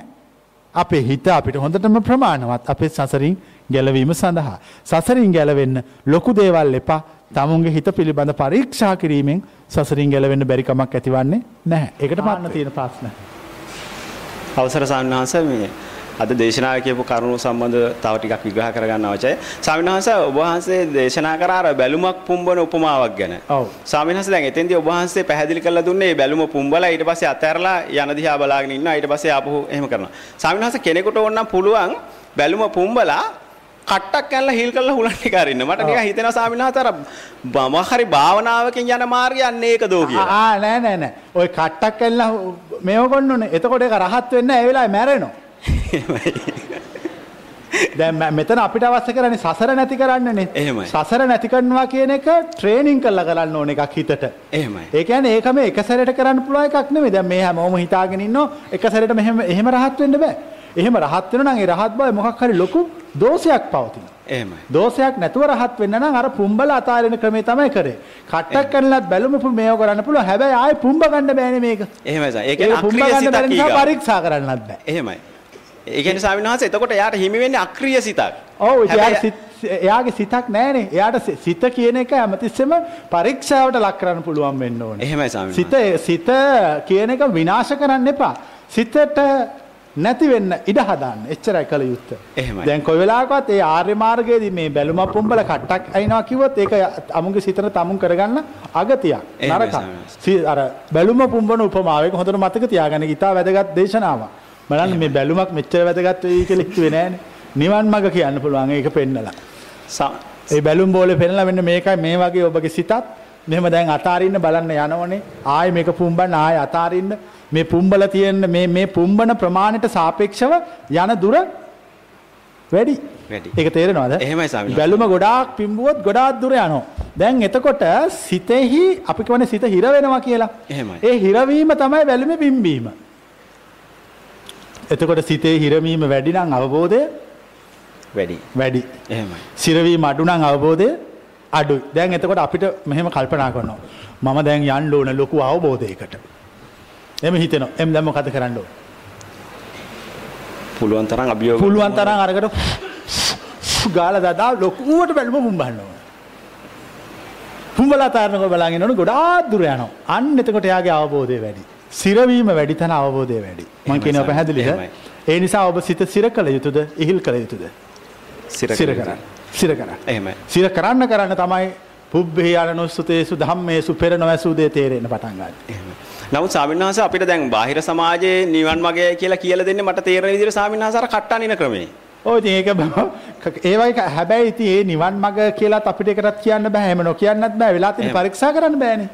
එහෙමයි. පරීක්ෂා කරන්න පුළුවන් වෙන්න ඕනේ. දැන් අපි කියන දහමේ තියෙන විශේෂය තමයි තම තමන්ට පරීක්ෂා කරන්න පුළුවන්. මම කියන්නේ නිවන් මඟ කියලා ඒක තම තමන්ට පරීක්ෂා කර. තම තම නැන පමණින් දැනගත යුතු. ඒකනේ. බුද්ධාගම කියලා කියන්නේ. තමන්ට ප්‍රත්‍යක්ෂ වෙන්න ඕන. තාපි දැන් දේශනාව පටන් ගන්නකොට කිව්වනේ මේක කාට වැරදුනත් කමක් නැහැ. මට හරි නම් මට එච්චරයි. හරි නම්. මට හරි නම් එච්චරයි. මම කියන්නේ ඒකයි. උඹලා කාට මං කියන එක වැරදුනත් මට කවන්නේ. මට හරි. ස්වාමීන් වහන්සේ දැන් මෙහෙ- මෙහෙම හිතුවොත් දැන් කාගේ හරි හිත හිර වෙනවා තරහෙන්. ඔව්. එතකොට සමහරලාට කෙනෙක් පාවිච්චි කරන්න පුළුවන් මෛත්‍රී භාවනාව නැවති කට්ට. ඔව් ඒක වැරදි. මෛත්‍රී භාවනාවෙන් කවදාකවත් හිත ඉහිල් කරන්න බෑ. ඒකෙදි අපි තේර විපස්සනාවෙන් හිත ඉහිල් කරන්න ඕන. දැන් වෙලා තියෙන සමාජයේ ඉන්න බොහෝ දෙනෙක් ඒගොල්ලෝ ඒ විපස්සනාවෙන් ඉහිල් කරන ක්‍රම දන්නේ නැහැ. ඒකට හේතුව ඒගොල්ලෝ විපස්සනාව වඩලා නැහැ. විපස්සනාව කියන්නේ 아무තු එකක් නෙමෙයි. තමන්ගේ හිත දිහා හිත දිහා බලන් ඉන්න. දැන් ඔය මම අපි ඉස්සෙල්ලා පැය එකමාරක් ස- අන්න එක ත- අන්න එක තමයි විපස්සනා මාර්ගය. දැන් ඔය දැන් මේ උදේ කරපු දේශනාව කොහරි පොතක කියවුවද? ඒ පොත්වල නැහැ ඒවා. ඒ පොතක නැහැ. ඒ තමයි කියන පළවෙනි වතාව. ඒක අහගන්න ඕන. ඊට පස්සේ තමයි ඕක පොතක් වෙන්නේ. එතකොට ඒක පොතක් බවට පත් වෙනකොට ඒක වටිනකම ඉවරයි. එහෙම. පළවෙනි වතාව කියන්නේ ඒ කියන්නේ ලැබපු ප්‍රායෝගික අභ්‍යාස කියන්නේ කරලා බලපුවා කියන්නේ. මේම කළා හිත හිර වුණා මම මෙහෙම කළා. ඊට පස්සේ මට හිත හිල් කරන්න ඕන වුණා මං ඊට පස්සේ මේම තියලා බැලුවා. එතකොට හිත වැරදුනා. දැන් බලන්න ඔය ඔය හරි ගියපු ටික කියන්න මොන තරම් ඒ ඕකස්සේ වරදින්නේ නැද්ද? මිනිහෙක් මැණික් පතලක් කපන්න පතලට බැස්සයින් පස්සේ මොන තරම් තිරුවාණි කොට දානවද? තිරුවාණි කොට දාලා දාලා අන්තිමට අහුවෙන්නේ මැණික් ගල් එකයි. ඔයාලා හරි වාසනාවන්තයි. ඔයාලා එක එකක් තිරුවාණේ ඇද්දේ නෑ. මැණික කෙලින්ම ගත්තා. මම මොනව ඇදලා තියෙන වැඩි හරියම. මම තමයි තිරුවාණේ ඇද්දේ. ඇයි ඉතින් ওই ටික හොයන්න කොච්චර ගවේෂණය කරන්න ඕනේ සීමා තුල.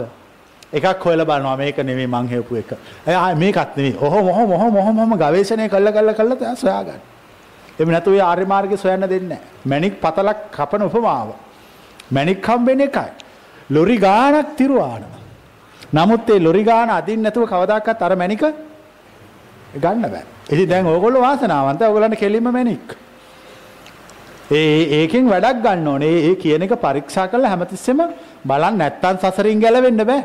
නිකන් මේ බොරු කර කර මිනිස්සු රවට්ට රවට්ට මේ තැන් තැන් වල සාදු කිය කිය බෝධි පූජා කර කර අර වන්දනාවේ මේ වන්දනාවේ වට වන්දනාවේ අර හැට වන්දනාවේ ඔක්කොම ගියාට සංසාරයෙන් ගැලවෙන්න හම්බෙන්න යම රජුරෝ බලාගෙන ඉන්නේ ලෝදිය උණු කරගෙන එනකම් මම මේ එනකන් ඉන්නේ මුන් ටික මේ බලාගෙන කිය කියා ස්වාමීන් වහන්සේ දැන් බැලුම සම්බන්ධ තව ප්‍රශ්න දැන් බැලුම පුම්බල අතහැරියාම අපි හිතමු පළවෙනි සැරේ මේ පැත්තට යන්න පුළුවන්. දෙවෙනි සැරේ එක්ක ඉස්සරහට හරි මේ පැත්තට හරි යන්න පුළුවන්. එතකොට ඒ කෙනාට සමහරවිට බයක් ඇති වෙන්න පුළුවන් නේද මේක මම නොහිතන පැති වලට යනවා මම දැන් මොකද කරේ අවස්ථාවට කොහොම ස්වාමීන් වහන්සේ බෑනේ දැන් එයා එයා ඒ එයාගේනේ වැරද්ද තියෙන්නේ. එයා පැත්තම කොට හිතාගත්ත. හිතාගත්තේ. පැත්තක් පැත්තක් හිතාගත්ත ගමන් එයාට බයක් ඇති වෙනවා. මොන ඔය යන පැත්ත තමයි පැත්ත කියලා හිතියනා ඉවරයි. එහෙමයි. ඒක එහෙම වෙන්න හේතුව ජීවිතේ බාරගෙන බාර ගන්න බයයි. ජීවිතේ බාර ගන්න බය වෙන්න හේතුව කලින් ප්ලෑන් කරලා තියෙනවා. කලින් සංවිධානය කරලා තියෙනවා. එහෙමයි. දැන් කලින් සංවිධානය කරාම ඇති වෙන ගැටලුව තමයි දැන් අපි හිතමු අපි මෙතන අර ඇපල් ගෙඩිය උපමාව ආය අර චිම්පන්සියට ඇපල් මෙතන ඇපල් ගෙඩියක් එල්ලලා තියෙනවා. ඒතකොට අපි ඔක්කොම නිගමනය කරනවා මෙතන චිම්පන්සි කූඩුවක් හදලා චිම්පන්සිය දාලා මූමේ ඇපල් ගෙඩිය ගන්න ඕන කියලා. හැබැයි ඒ චිම්පන්සිය මහා අමුතුම જાතියෙකෙක්. ඌ ඇපල් ගෙඩිය ගන්න නැතුව දොර අරගෙන යනවා. එහෙමයි. දැන් ඔබට චිම්පන්සිය ගැන ඇති වෙන්නේ මොන වගේ හැඟීමක්ද? තරහක්. ගහනවලට පොළොවේ අහුනොතින් කියලා. මොකද අපි හිතන් හිටියා චිම්පන්සිය දොරෙන් යන්නේ නැතුව අපල් කන්න ඕනේ කියලා. මං කියනවා තේරෙනවද? එහෙමයි එහෙමයි. එතකොට දැන් මේක මේ මේකම ඇට්ටර චිම්පන්සියෙක් ඌ ඇපල් කකා ඉඳලා නෑ ඌ දොර අරන් පැනලා ගිහිල්ලා. එතකොට අපිට චිම්පන්සිය කෙරේ තරහක් ඇති වෙනවා. ඒ චිම්පන්සිය කෙරේ තරහක් ඇති වෙන්නේ ඌ පැනලා ගියපු නිසා නෙමෙයි. ඇපල් කාපු නැති නිසා. දැන් ඊට පස්සේ අපි ඊළඟ දවසේ චිම්පන්සි අර විදිහටම දාලා ඇපල් ගෙඩිය එල්ලලා හිතනවා මූ කූඩුවෙන් යන්න ඕන කියලා. එදා ඌ කූඩුවෙන් යන්නේ නැතුව ඇපල් කකා ඉන්නවා. එදාටත් අපි ඌත් එක්ක තරහයි. මං අහන්නේ ඇයි මෙහෙම වෙන්නේ කියලා මේ හිතට. අපි බලාපොරොත්තු මේ හිත එක එකව බලාපොරොත්තු තියන් ඉන්නවා. ඒ බලාපොරොත්තු වරදින හැමතැනකම වෛරය, කෝපය, ඊර්ෂ්‍යාව ඒවා මෙහෙම සැරින් සැරේ අර මේ එළියට පනිනවා. ඒක හරියට අර මේ මොකද්ද මේ වතුර නටනකොට අර බෝල බෝල එළියට එන්නේ වතුර බෝල ආන්න වගේ වතුර උතුරනකොට ඒ වගේ එළියට එක එක එනවා. ඒ අපේ බලාපොරොත්තු නිසා මම ඒක කියන්නේ සියලු බලාපොරොත්තු අත්හරින්න කියලා. එහෙමයි. ඒ හිතන්න එපා ජීවිතේට මූණ දෙන්න. දැන් හැබැයි මෙහෙම කිව්වට මේ හැමෝම ප්ලෑන් එකක් ගහගෙන ඉන්නවා. දැන් ඔන්න දැන් ඔන්න වැඩසටහන වෙලා ගෙදර යනවා. දැන් බස් එක හම්බෙන්න ඕනද නැද්ද? දැන් මේ හැමෝටම අනාර්ය චින්තනය උගන්වලා තියෙන බස් එක ලැබෙන්න ඕන කියලා. හෝප්ස් බලාපොරොත්තු දාලා තියෙන්නේ. දැන් මෙතන මේගොල්ලෝ බස් ස්ටෑන්ඩ් එකට යනවා ගිහිල්ලා ඉන්නවා. මොකක් එනකන්ද ඉන්නේ? බස් එක එනකන්. කොවලන බස් හෝල්ට් එකට ගිහලා බස් එක එනකන් ඉන්න අය. අතුස්සන්න බලන්න. හැබැයි මාත් එක්ක බොහොම පරිස්සමෙන් කතා කරන්න අමාරු වෙදානවා. අමාරු වෙදානවා කියන එකක් තියෙනනේ මම වචන වලින් හිර කරනවා අල්ලලා. බස් හෝල්ට් එකට ගිහලා බස් එක එනකන් අත උස්ස බලන් ඉන්න අය අත උස්සන්න කියලායි මං කිව්වේ. අතුස්සන්න අපි බස්ස කෙනකම් බලාගෙන. හොඳන අතුස්සන්න හොඳ හොඳට උඩට උත්සන්න ඉතින් තමන්ගේ අන් දෙකට වැඩි උඩට උත්සන්න අන්න කොට නම් තේරේ. දැන් අන් දෙකට වඩා පහත් කරගන්න. දැන් කවුද ඔබලා? ඇයි මොහකට උඩ උඩින් උස්සන්නේ කිව්වේ? අන් දෙකට උඩින්නේ උස්සන්න කිව්වේ. ඊට පස්සේ පහළට දාගන්න කිව්වේ මොහකට පල්ලෙහායින්ද? අන්තිකට. ඒ කියන්නේ කවුද? හරක්. හරක්. දැන් ඉතින් ওই තර්කේ තවදුරට ගෙනියන්න ඕනේ නැහැ. එතනින්ම ඔප්පු කරලා ඉවරයි අදාළ සාක්ෂි සාධක සහිතව. නමුත් මම දැනගැනීමට කියන්න. බස් එක එනකන් හෝ බස් හෝල්ට් එකට වෙලා ඉන්න එපා. ඉන්න එච්චරයි. ඉන්න. දැන් මෙතන වෙන්නේ මේගොල්ලෝ බස් එකක් එනකන් ඉන්න. ඔන්න ත්‍රී වීල් එකක් එනවා. දැන් ඒක පිළිගන්නවද නැද්ද? හා? ඉතින් මම වැරදිනේ එතකොට. එතකොට හිතෙන් අහන දැන් උඹ බස් එක යනකන්ද හිටියේ ත්‍රිවිල් එකක් යනකන්ද හිටියේ? දැන් මොකද හිත දෙන උත්තරේ? මේ මේ ප්‍රායෝගික ජීවිතයේ දේවල් අහන්නේ. දැන් බස් හෝල්ට් එකට ගියා දැන් එයා බස් එක යනකන් ඉන්නවා කියලා මේගොල්ලෝ කිව්වා අන් දෙකටත් උසින් අත උස්සලා පොරොන්දුත් දුන්නා. ඊට පස්සේ මේගොල්ලෝ ත්‍රිවිල් එක එනකල යනවා. මම අහන්නේ මේගොල්ලෝ ඉඳලා තියෙන්නේ බස් එක යනකන්ද යන්න මොකක් හරි එකක් යනකන්ද යන්න මොකක්ද? බලන්න කොච්චර මෝඩද කියලා යන්න මොකක් හරි නිකන් ඉඳලා තියෙන්නේ. නමුත් අර අනාර්ය චින්තනයේ අරමුණු පෙන්නලා ඒව ඇතුළට දානවා. ඒ ඒ ඒගොල්ලන්ට තේරෙන්නේ නැති නිසා බස් එක එනකන් ඉන්නවා කියලා දාගෙන ඉන්නවා. නමුත් බස් එක එනකන් නෙවෙයි ඉඳලා තියෙන ත්‍රිවිල් එකක් එනකන්. ඊට පස්සේ කවුරු හරි කාර් එකක් හරි එනවා. එල නවත්තලා කියනවා ආ යන් අප මමත් යන්නේ මේ පැත්තට නගින්න කියලා. දැන් බස් එකේ ගියාට වඩා සතුටක් දැනෙන්නේ නැද්ද? දැන් ආයෙ පරීක්ෂා කරන්න හිත. මේක හරි අමුතු හිතක් නේ. මම බස් එකේ යන්න හිටියේ මේ මිනිස්සේ කාර් එකක් ඇවිල්ලා නැවැත්තුවා. දැන් මම මේ කාර් එකේ නැගලා යනවා මට වැර බස් එකේ ගියාට වඩා සතුටක් දැනෙනවා. ඇයි ඒ? මගේ ළඟ තිබිලා තියෙන බස් එකේ යන අදහසක් නෙවෙයි. ගමන සාර්ථකව යන අදහසක්. ඉතින් මම කියන්නේ මම මෙහෙම ඉන්න මම මෙතෙන්ට ගිහිලා ඔය යන විදියකට හම්බ වෙයි ත්‍රිවිල් එකක් ආවොත් එහෙමයි කාර් එකක් ආවොත් එහෙමයි ආන්න ඉන්න දැන් අපි දෙගොල්ලගෙන් සැපට වසන්නේ කවුද? ඈ මම සැපට ඉන්නේ මම. පූර්ව නිගමන කරන්නේ නැහැ කිසිවක් ගැන. හුඟක් අයගේ ජීවිතේ වරදින ප්‍රධානම කාරණේ තමයි අනාගතයක් ප්ලෑන් කරනවා. අනාගතේ ප්ලෑන් කරන්න එපා. ඒ වෙන විදිය වෙන විදියට මුහුණ දෙන්න. කොබලන් සාමාන්‍යයෙන් අනාගතේ ප්ලෑන් කරන අය මෙහෙම වෙන්න ඕන, මෙහෙම වෙන්න ඕන, මෙහෙම යන්න ඕන, හෙට උදේ 8ට මේක වෙන්න ඕන. ඔව අත්හැරලා දාලා වෙන එක බාර ගන්න. එහෙම ප්ලෑන් කළාම දුක ඇති වෙනවා. දුක දුක වේදනාව අසහනය පවතිනවා. අපි කියන්නේ වෙනේව බාර ගන්න කියලා. ඒක තමයි යාගේ අනාගතය.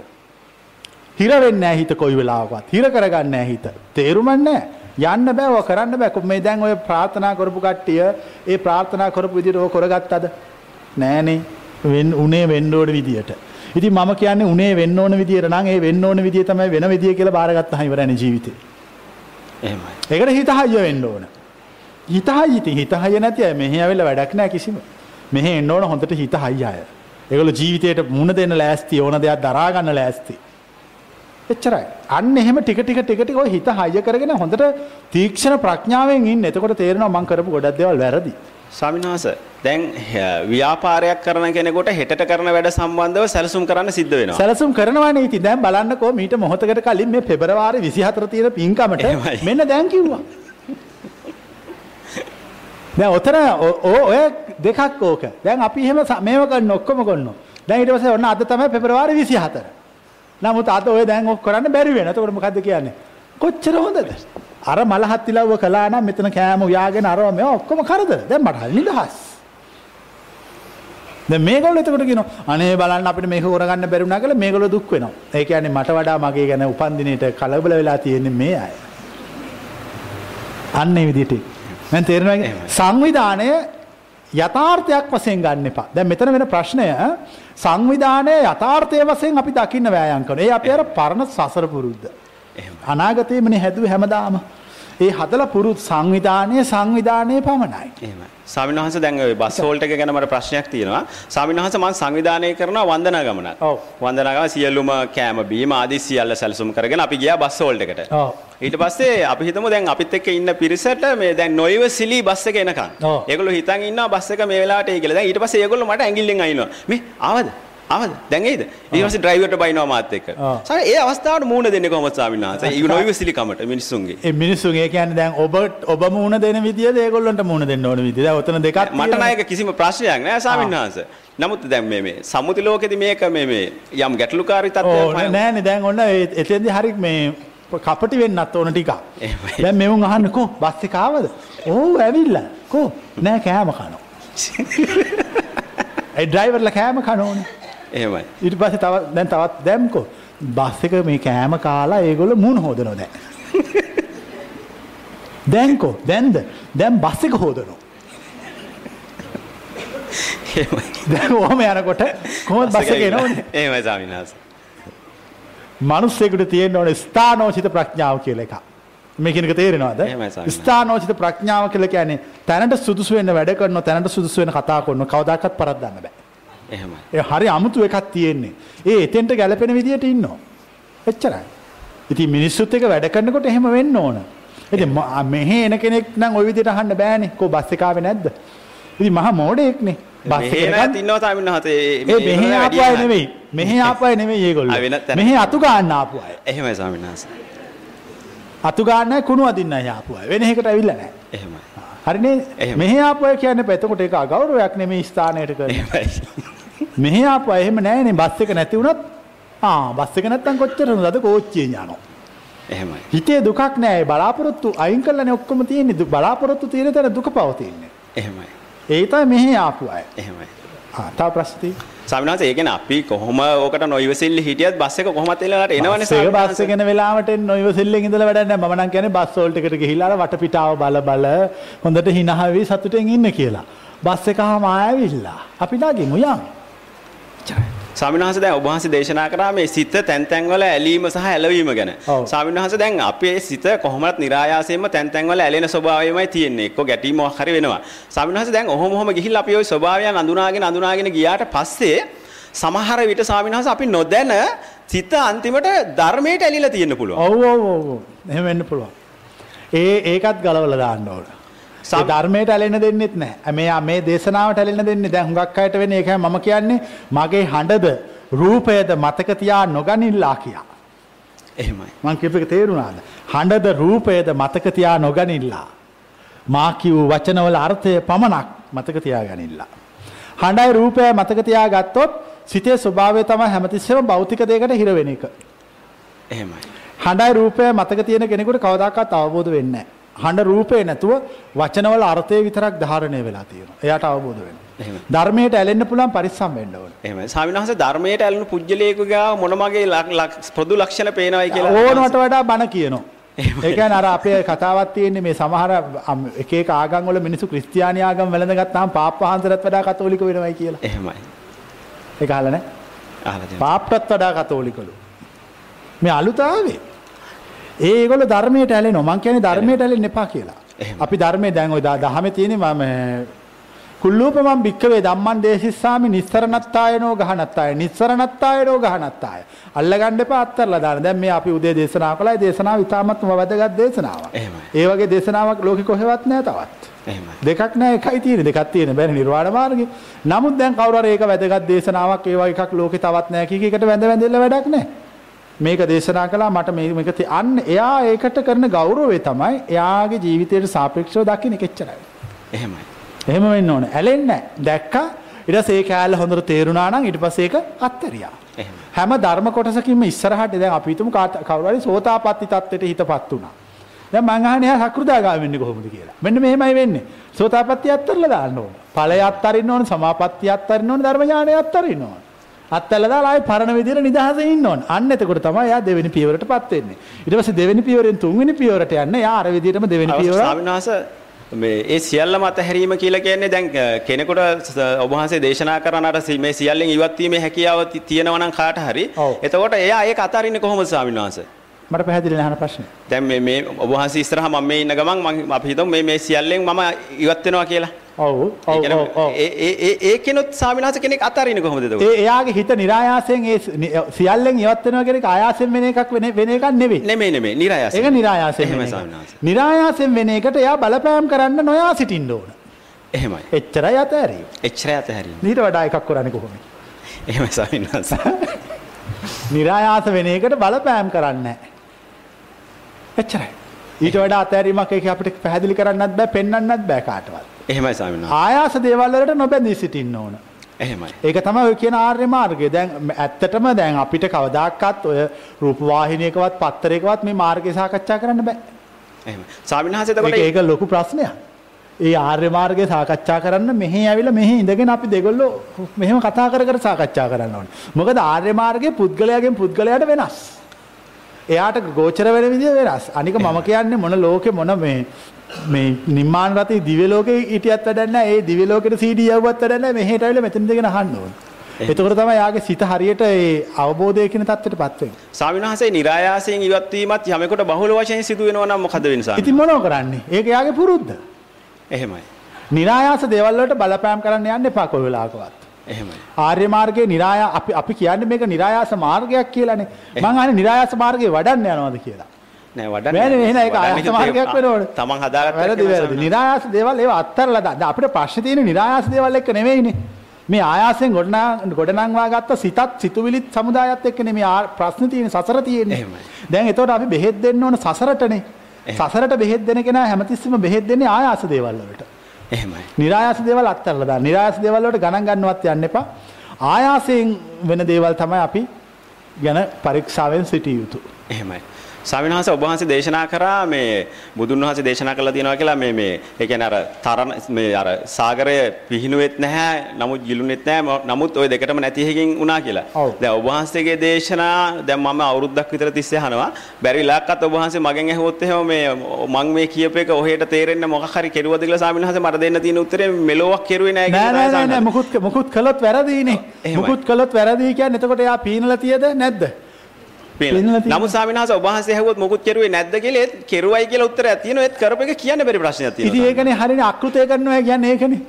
එහෙමයි. දැන් නිර්වාණය ගැන විස්තර කරනකොට තේර තේරී ගාතාවල ඒ රහත්තුන් වහන්සේලා කියන්නේ අපි අකෘතය කළා. මොකක්ද අකෘතය කළා කියන්නේ? රහත් වුණා කියන එක. එහෙමයි. ඒක පරණ අය ඒක ඒක වචන වලටනේ කියන්නේ. ත්‍රිවිද්‍යාව ලැබුවා, පුනර්භවය නැති කළා, අකෘතය කළා, අකෘතය කළා. අකෘත කියන්නේ මොකද්ද? මුකුත් කරන්න නැහැ කියන එකනේ. කරන්න නැති එක කළා. ඉතින් කරන්න නැති එක කළා කියන්නේ එයා කවුද? එයා රහතෙක්. ස්වාමීන් වහන්සේ කරන්නේ නැති එක කරන්නේ කොහොමද ස්වාමීන් වහන්සේ? ඉතින් මා මහා මෝඩ ප්‍රශ්නයක් නේ. මිනිහෙක් මිනිහෙක් ඇහුවලු දවසක් මේ ඇට නැති මිදි තියේ කිව්වලු ඇට ටිකක් දෙන දහුළු පැලයක් ගිල හිටව ගන්න. පැල හදා ගන්න. එහෙමයි. ප්‍රශ්නේ තේරුණාද අහපු එක? ඔව්. ඇට නැති මිදි තියේ කිව්වලු ඇට දෙන්න දැහුවලු ගිහිල්ලා හිටව ගන්න. මහා ගොම් ප්‍රශ්නයක් නේ. මා එතකොට අහන්නේ යකෝ ඇට නැති මිදි වල ඇට කොහෙද? ඉතින් ඒක ඒකට ඇට නැති මිදි කියන්නේ. ඊට පස්සේ අහන ඇට නැති මිදි වල ඇට දෙන්නද කියලා බැල හිටව ගන්න කියලා. කවදාකවත් ඒ ප්‍රශ්නෙට උත්තර දෙන්න බෑ. ඒ ප්‍රශ්නය තමන්ගේ හදවතට දැනෙන එකක්. එහෙමයි ස්වාමීන්. කවුරු හරි ඒක වචන වලට පෙරලන්න ගියොත් එයා එයාට සාපේක්ෂ ලොකු අවුලකට පත් වෙනවා. අන්න ඒකයි දහමේ තියෙන පච්චත්තං වෙදිතබ්බෝ විඤ්ඤෝ. ස්වාමීන් වහන්සේ මෙහෙම කිව්වොත් හරි වේවිද? ඔබ වහන්සේගේ දේශනාව අහලා ඔව්. ඒක මෙතනදී Tamanට තේරෙන තරම තේරේ නොතේරෙන තරම නොතේරේ. මෙතනින් එළියට බැස්සට පස්සේ ඔබ වහන්සේගේ දේශනාව නෑසුවකු ලෙස සාමාන්‍ය පරිදි ජීවත් වුණොත් ඔව් ඒක හරි. ඒක හරි. නෑසුවෙක් ලෙස ජීවත් වුණොත් හරි. ඒ ඒ පාර ආයෙනේ දැන් නෑසුවෙක් ලෙස මොහු ජීවත් වන්නේ කුමක් සඳහාද? අකෘතය කරන්නනේ. අකෘතය. එතකොට දැන් කෘතය කළාද අකෘතය කළාද? අපව කෘතය කළා. කෘතය කළා. ඉර වෙන්නේ නැහැ කිසි තැනකට. මං කියන්නේ දේශනාව අහනවා. දේශනාව නෑසුවෙකු ලෙස ඉන්න යන්නෙත් නෑ. ඇසුවෙක් ලෙස ඉන්න යන්නෙත් නෑ. නෑසුවෙක් ලෙස නොයිද? නොයි. ඇසුවෙක් ඇසුවෙක් ලෙස- ලෙසත් නොයිද සිටියොත් ඔබ අකෘතය කොන්නෝ. නෑසුවෙක් ලෙස හිටියත් කෘතය කරනවා. ඇසුවෙක් ලෙස හිටියත් කෘතය කරනවා. නෑසුවෙක් ඇසුවෙක් ලෙස නැතුව සිටියොත් අකෘතය කරනවා. දැන් කෙලෙස කවුරු ලෙස පැවතිය යුතුද? ඇසුවෙක් ලෙසද නෑසුවෙක් ලෙසද නොව ඒ දෙකටම නැතුව නිදහස් දෙකටම වෙන්න. නැතුව සාමාන්‍ය පරිදි ඔව්, සිටින නිරායාස සිතකට එහෙම වෙනකොට වෙන්නේ අර සිතේ වේගය අඩු වෙලා යනවා. සිත මේ දැන් ඔය හැමෝටම තියන් තියෙන්නේ මහා මේ වේගවත් හිතක් නේ තියෙන්නේ. ඉස්සරහට වේගෙන් දුවන හිතක් නේ. ඒ. ඉස්සරහට වේගෙන් දුවන ගතිය අපි හදාගත්තු එකක්. මම මේ කියන්නේ පස්සෙන් පස්සට ඇවිල්ලා. එහෙමයි. පස්සෙන් පස්සට ආවම සිත දුවන්නේ නැහැ. සිත තියෙනවා. අවශ්‍ය තැනකදී අරමුණ ගවේෂණය කරනවා. අවශ්‍ය තැනකදී දැන් මේ මට මේ මලක් පේනවා. දැන් ඊට පස්සේ මට මේ මේ මල ගන්නවා. දැන් මට ඕන මේ මල ගවේෂණය කරන්න. මම මෙහෙම බලනවා. ඊට පස්සේ මම මේව කඩනවා. මම කෙනෙක් පේන මම මේ ගවේෂණය කරනවා. එච්චරයි. ගවේෂණය කරනවා. එහෙමයි. දැන් හැබැයි දැන් ඔන්න මම මේක එක වතාවක් කළානේ. දැන් මම තව මලක් ගන්නවා. දැන් අතට ගත්ත ගමන් මට මොකද්ද වෙන්නේ? මේක කඩන්න ඕනද නැද්ද? නෑනේ. මේක තියෙන්නේ මෙහෙමයි මේක අර මැද තියෙන්නේ මෙහෙමයි මෙහෙමයි මෙහෙමයි මෙහෙමයි මෙහෙමයි කියලා ඔක්කොම ඩේටා ටික මත- දත්ත ටික මතක් වෙනවා. මට මෙහෙම කරන්න බැරිද? ආයි මෙහෙම මලක් ගන්නවා. මෙහෙම බලලා ආයි කඩනවා. අර පරණ එකම ආයි කරනවා.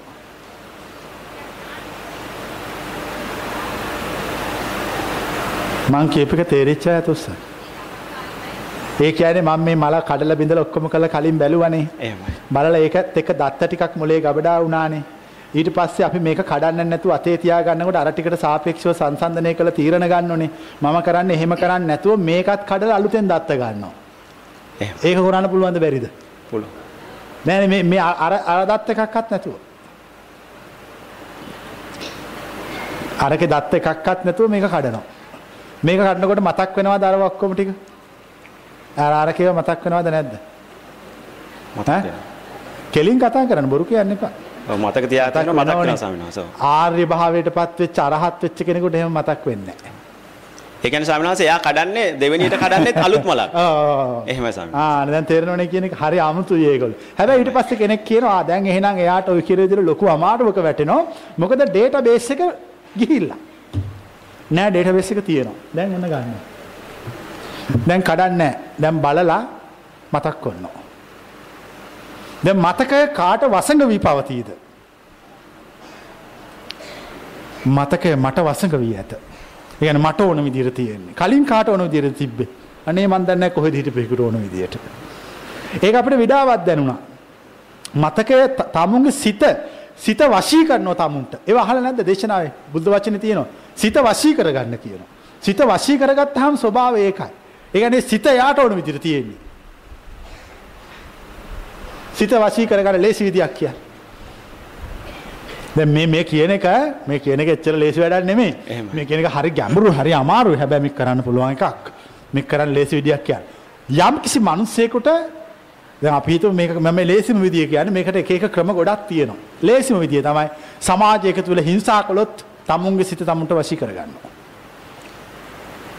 මං කියපේක තේරුණාද? එහෙමයි. දැන් එහෙනම් ඔබට ඔබේ සිත වශී කර ගැනීමට අවශ්‍ය නම් ඔබ සෙවිය යුත්තේ කුමක්ද? හිංසාව සොයන්න. අපහාසය සොයන්න. නින්දාව සොයන්න. ඒව තුලටම කිඳා බසිනකොට තමුන්ගේ සිත තමුන්ට වශී වෙනවා. සිත වශී කරගලා තියෙ. වශීකృత කරලා තියෙ. ඒ කියන්නේ එතකොට කාත් එක්කද සිත ඉන්නේ? මාත් එක්ක.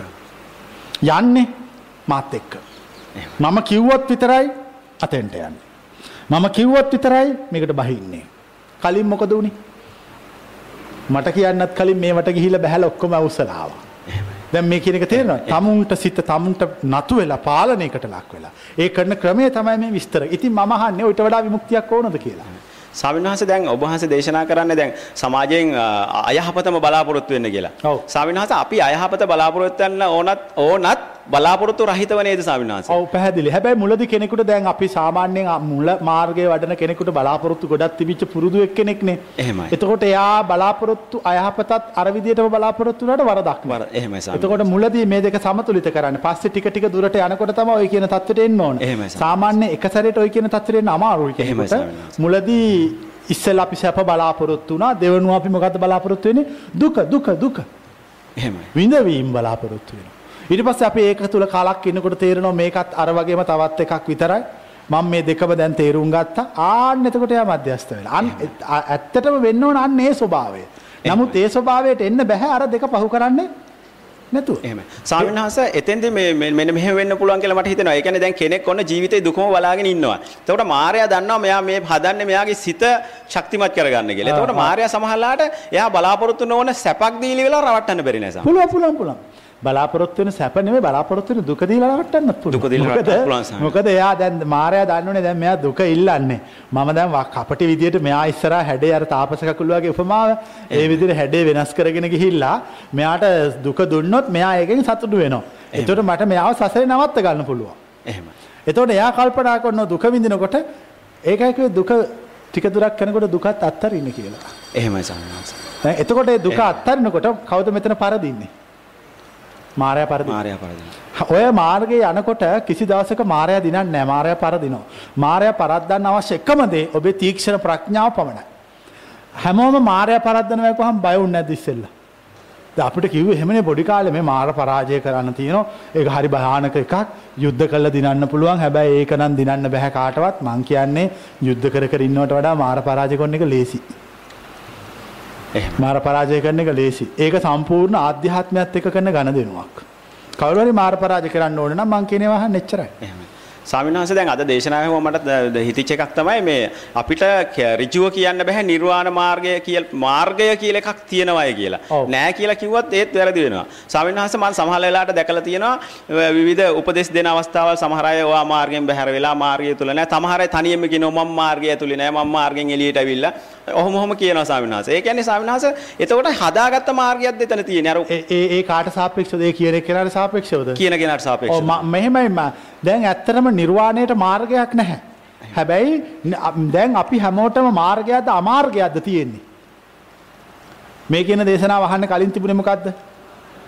අමාර්ගයක් නෙ තිබුණේ. නැත්තම් මේකේ දේශනාව අහන්න ඕනේ නැහැ නිවන් දකින්න නිවන් බෑ. දකින්න. ජීවිතේට එහෙමයි, දුන්නා. ඒ කියන්නේ ඒතර අමාර්ගයක් තිබිලා තියෙනවා. එතකොට දැන් මේක ඇහුවයින් පස්සේ අමාර්ගයට සාපේක්ෂව මොකද තියෙන්නේ? මාර්ගයක්. ආන්න එච්චරයි. එහෙමයි. ඒ කියන්නේ මම ස්වාමීන් වහන්සේ ඒකත් සාපේක්ෂයි. සාපේක්ෂනේ නම් සියල්ල සාපේක්ෂ නිර්වාණ ධාතුව ඇරෙන්න සියල්ල සාපේක්ෂකයි. එහෙමයි. නිර්වාණ ධාතුව විතරයි නිරපේක්ෂක. මාර්ගයේ සාපේක්ෂකයි. දැන් ඔන්න අද මං කියනවා සිත පිරිසිදු බව බලන්න කිය කිව්වා හිත හිර කරන්න කතන්දර ගොඩක් කියලා ගියා. දැන් මං හෙට ඇවිල්ලා කියනවා ඕවා ඔක්කොම විසි කරලා දාපල්ලා. ඕවා මොකුත් එපා. මෙන්න මෙහෙම ඉන්න කියනවා. එතකොට ඒ මෝඩයෙක් මයින් ඇවිල්ලා අහනවා තමුන්නාද මම 아무තු බණ කියනෝනේ. ඊ එක බණක් කියනවා අද එක බණක් කියනවා. එතකොට මං එයාට මොකද්ද කියන්නේ? දැන් එයාට දෙන්න ඕන උත්තරේ මොකද්ද? තෝ වගේ මෝඩයෝ ඉන්නකම් මට මේක තමයි කරන්න වෙන්නේ. වෙන කිසිම දෙයක් නැහැ. එහෙමයි. ඇයි එයාට තේරෙන්නේ නිර්වාණ මාර්ගය සාපේක්ෂකයි කියලා අවස්ථානුකූලව වෙනස් කරනවා. ඒ වෙනස් වීම සිදු කරන්නේ දැන් අපිට ඇත්තටම ඕන සිත විනාශ කරලා අවබෝධයට පත් වෙන්නනේ. එහෙමයි. එතකොට සිත විනාශ කරගෙන යනකොට විනාශ කරන එක තුල සිත හැදෙන්න පටන් ගත්තොත් මාර්ගය මොකක් කරනවා? ඒ ක්ෂණෙහි මාරු කරනවා. මාරු කරනවා. විනාශ කරන මාර්ගය තුල සිත හැදෙන්න පටන් ගත්තොත්. එහෙමයි. එතකොට දැන් සිත විනාශ කළා නෑනේ විනාශ කිරීම තුල සිත හදලානේ. සිත හදලා. එතකොට මාර්ගය ඒකයි ඒ අවබෝධ වෙච්චයි දන්නවා. ඒකයි කියන්නේ ඒගොල්ලෝ කියන කරන වෙන මුකුත් කරන්න එපා. ඒ කියන්නේ ස්වාමීන් වහන්සේ ඒ ගැන හරියටම කිව හැක්කේ ගමන අවසන් කළ බුද්ධ හේවත් ඔබ වහන්සේටම පමණයි වෙන කාටවත් බෑ. වෙන කාටවත් කියන්න බෑ වෙන කවුරු හරි කියන්න ගියොත් එයා පටලව ගන්නවා. එහෙමයි. සමහරවිට දැන් අපි එක්කෙනෙකුට කියනවා මේ ඔන්න ඔය මාර්ගය අතහැරලා දාලා එනවා මාත් එක්ක ටිකක් ඇවිදලා එන්න යන්න. එතකොට කියනවා අනේ බෑ මම මේ මට සසර දුකින් ගැලවෙන්න ඕන. මම මේ ඉක්මනට වෑයම් කරනවා කියලා. ඒක මහා මොහොඩෙක්. එහෙමයි ස්වාමීන් ආ ඒක කොහොමද දන්නේ අර අනාගතයේ ගැලවෙන සසර දුකක් ගැන? එහෙමයි. ඊට වඩා හොඳයි නේ අර ගමන ගිහිල්ලා ආව. එහෙමයි. මං කියන එක තේරෙනවද?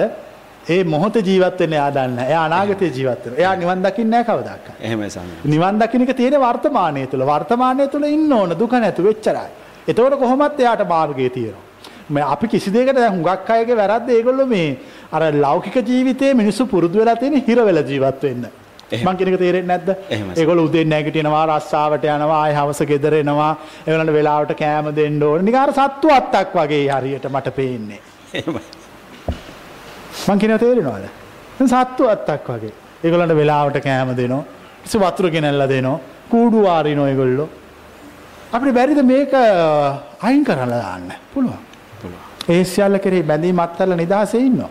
අන්න එතන ඒ නිර්වාණ ධාතුව පවතී. එහෙමයි. දැන් සමහරට කෙනෙක් දැන් මහණුනත් ඔය රිද්ම් එකට හු- අහු වෙන්න නරකයි. ඒ සත්තුවත් කතන්දරයට අහු වෙන්න නරකයි. එහෙම. ඒ අහු වෙන්නේ නැතුව නිදහසේ ඉන්න ඕන. කිසි දෙයකට බැඳෙන්නේ. හැමතිස්සෙම බැඳෙනවා කියලා කියන්නේ යාගේ හිතේ තවමත් කඩා ගන්න බැරි දේවල්. එයාගේ ඇතුළේ තියෙනවා. ඒකාකාරී බවක් සිතට දැනෙන අත උස්සන්න හිටි ගම. අත උස්සන්න. හිත ඒකාකාරී වෙලා.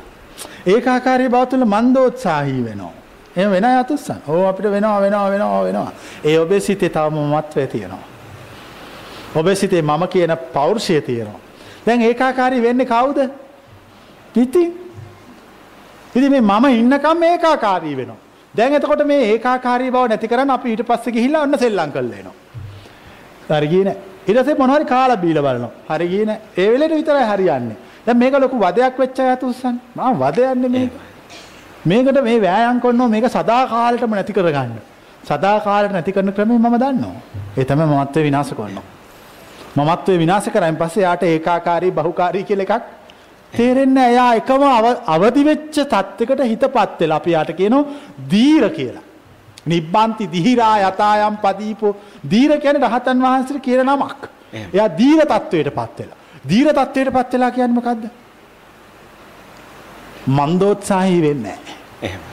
තේරෙනවද ධීර කියන්නේ මොකද්ද කියලා? ඒ කියන්නේ මේ අවදි වෙලා තියෙන්නේ.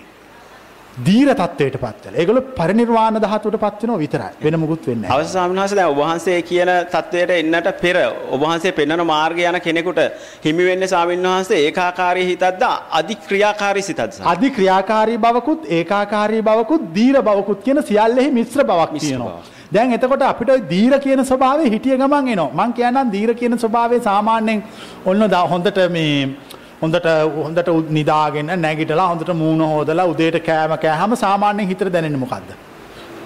අර හරි අමුතු සත් තත්වයක්. ඉතින් මම අහන්නේ මේක පෑ 24ම තියාගන්න බැරිද කියලා.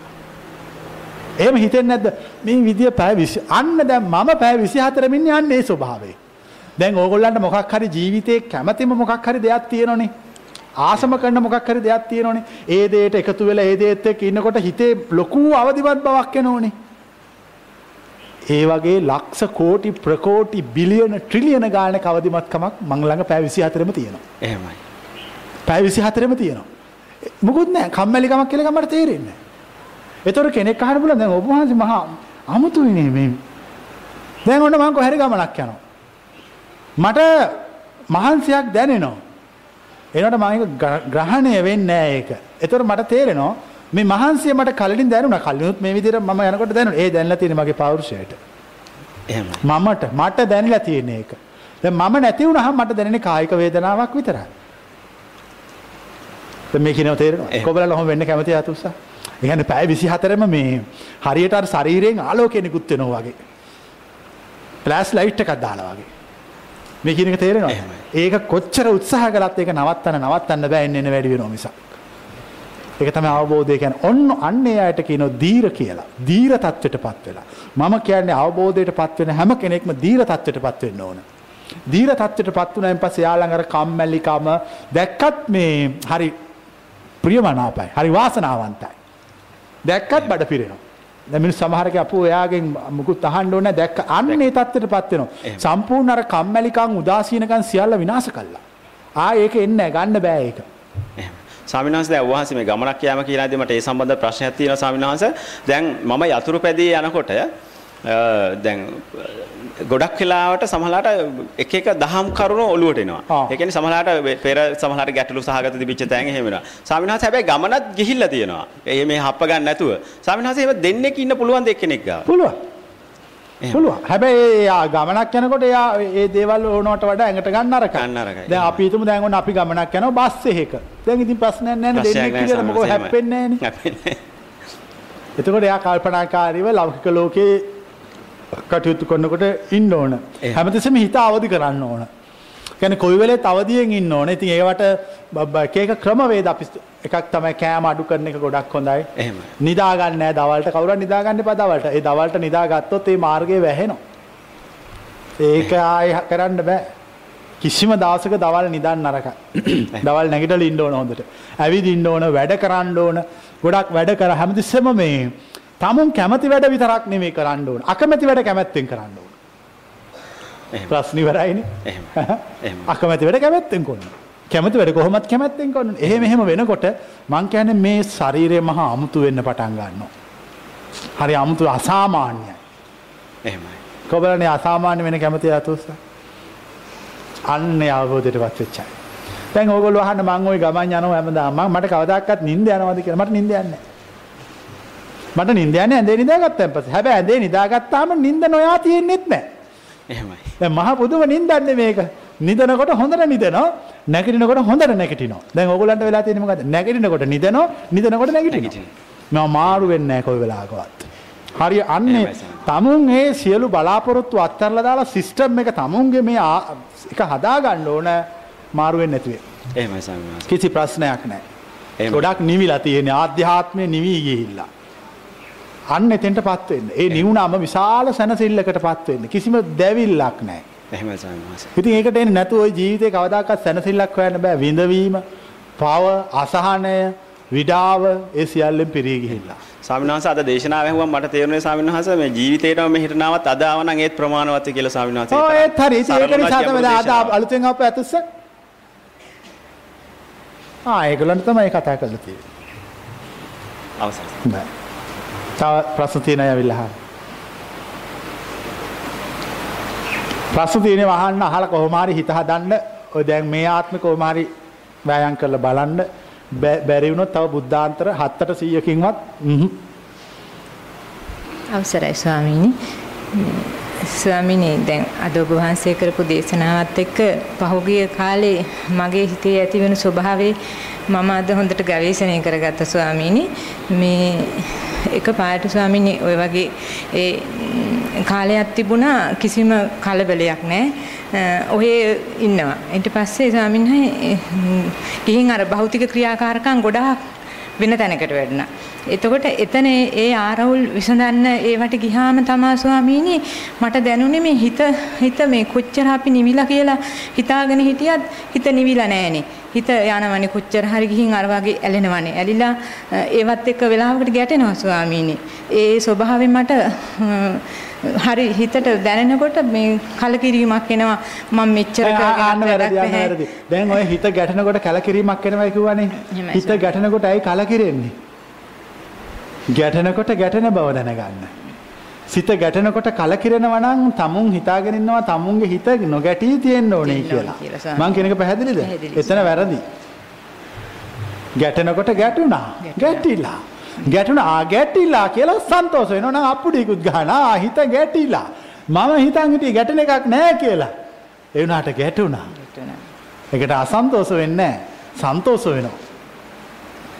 එතකොට ස්වාමීනි දැන් ඔබ වහන්සේගේ දේශනාවේදී මේ පැවසුවා මේ සාපේක්ෂක වටිනාකම් එක්ක අපි වටිනකම් දීලා තමයි අර දේවල් කරන්න අපි බලාපොරොත්තු ගොඩනංගගෙන යන්නේ. ඒ විදිහට තමයි අපිත් මමත් ඒ දේ වටිනවා කියලා හිතාගෙන ඒක ගොඩක් වටින දෙයක් ඒක රැකින්න ඕනේ කියලා හිතාගෙන තමයි ඒව නිරෝල් කරන්න ගියේ ස්වාමීනි. එතකොට තමයි මට දැනුනේ ඔබට මාර්ගයට ඇතුල් වෙන්න ඊටාම කෙටි වූද ඊටාම සියුම් මුහුමද දොරටුවක් මා පෙන්වමි. ඔබගේ ජීවිතයේ වඩාත්ම ප්‍රියමනාපදය එකවර අත්හැර දමන්න. ජීවිතේ වඩාත්ම කැමති දෙය එකවර අත්හරින්න. ඒ අත්හරිනකොටම මා කියන මාර්ගය ඔබට වැටහි. හැබැයි ඒක ටිකක් කරන්න අමාරු එන ඉතින් මෙහෙ එන්න එපා. වෙන කොහරි වර පන්සලකට ගිහලා බෝධි පූජාවක් තියලා ගෙදර යන්න.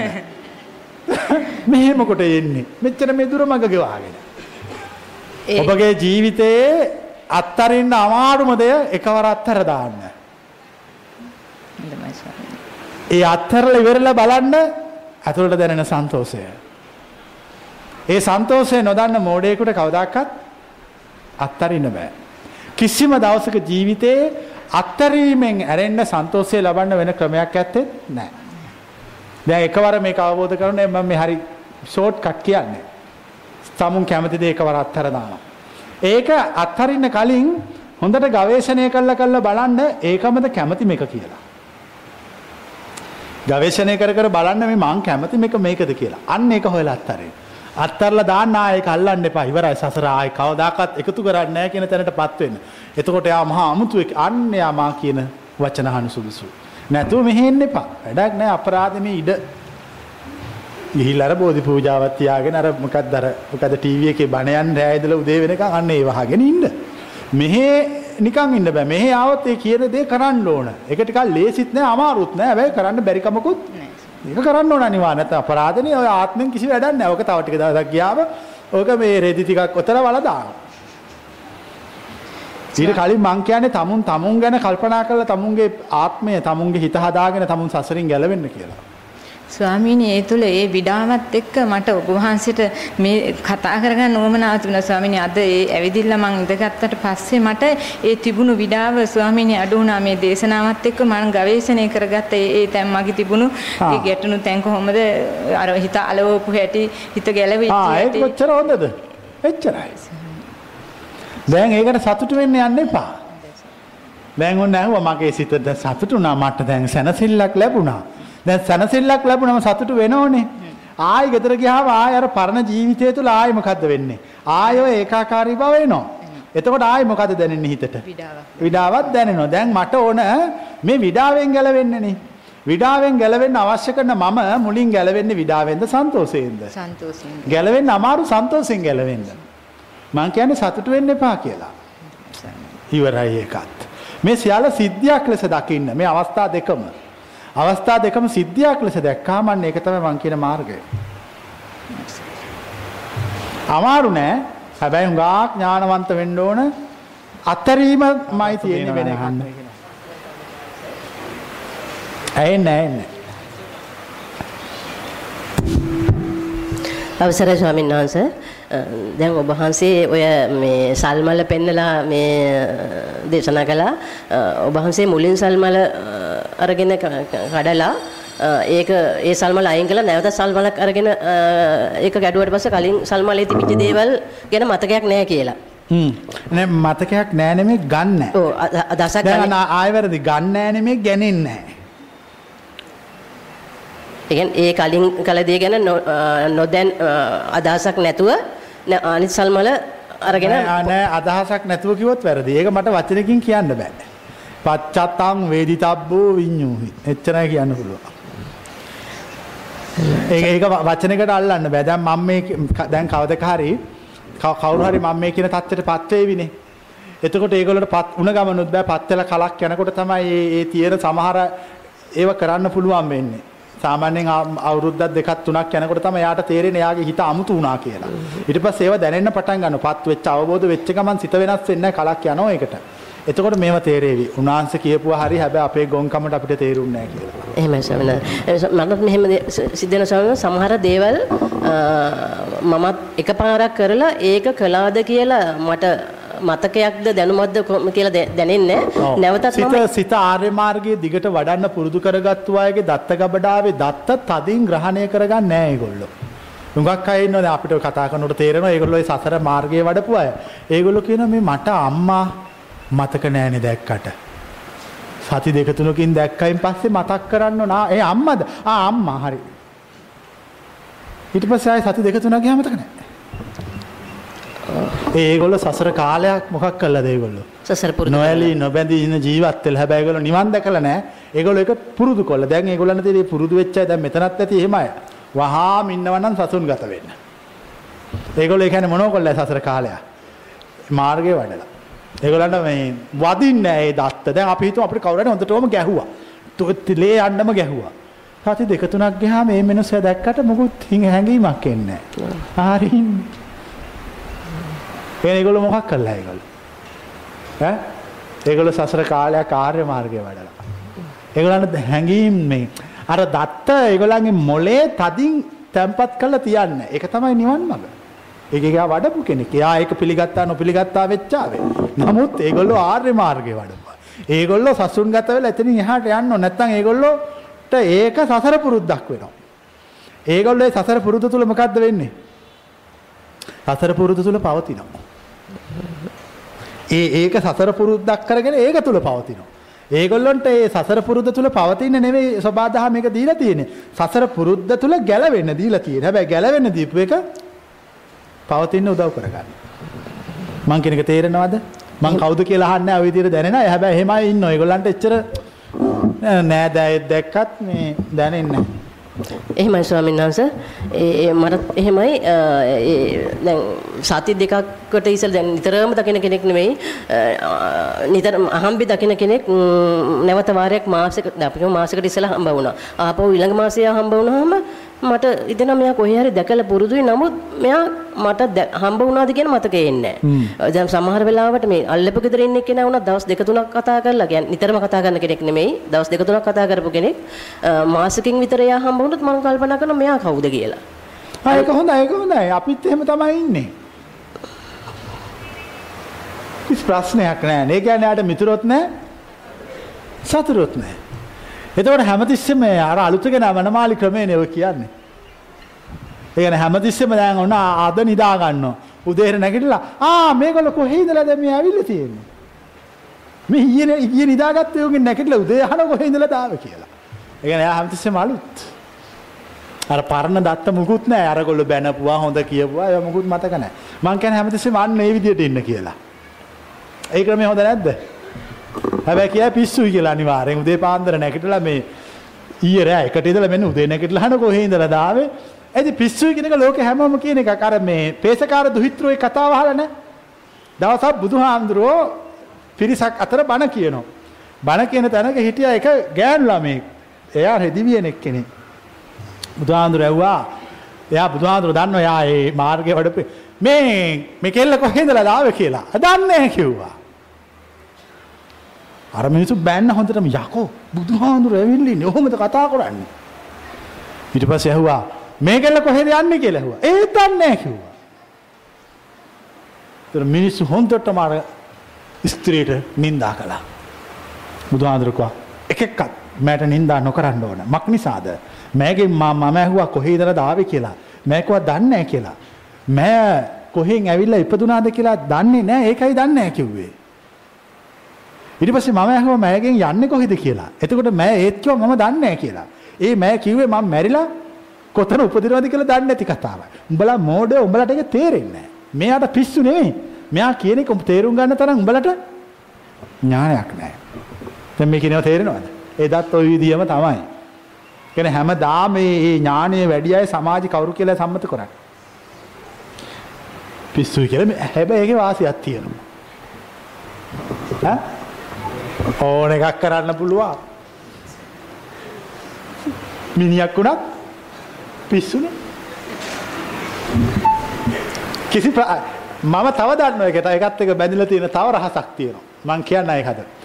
ප්‍රාතිහාර්ය ශක්තිය කියන එක සම්බන්ධ වෙන්නේ ඒකත් එක්ක. ප්‍රාතිහාර්ය ශක්තිය කියලා එකක් තියෙනවනේ මිනිස්සෙකුට අමුතු දේවල් කරන ශක්තිය. ඒක සම්බන්ධ වෙලා තියෙන පිස්සුවත් එක්ක. පිස්සුව වැඩි කට්ටියට මොනවද තියෙන්නේ? ප්‍රාතිහාර බලය වැඩි. පිස්ස සමහරට ඕන නම් ඔය පිස්ස ඔය පිස්සුව කෙනෙක් හදාගන්න පුළුවන් එක. පිස්සුව හදාගත්තම මේක එන්නේ මොහොකුත් එක්ක එන්නේ. අර අර ශක්තියත් එක්ක එන්නේ. එතකොට එයාට එක එක දේවල් කරන්න පුළුවන්.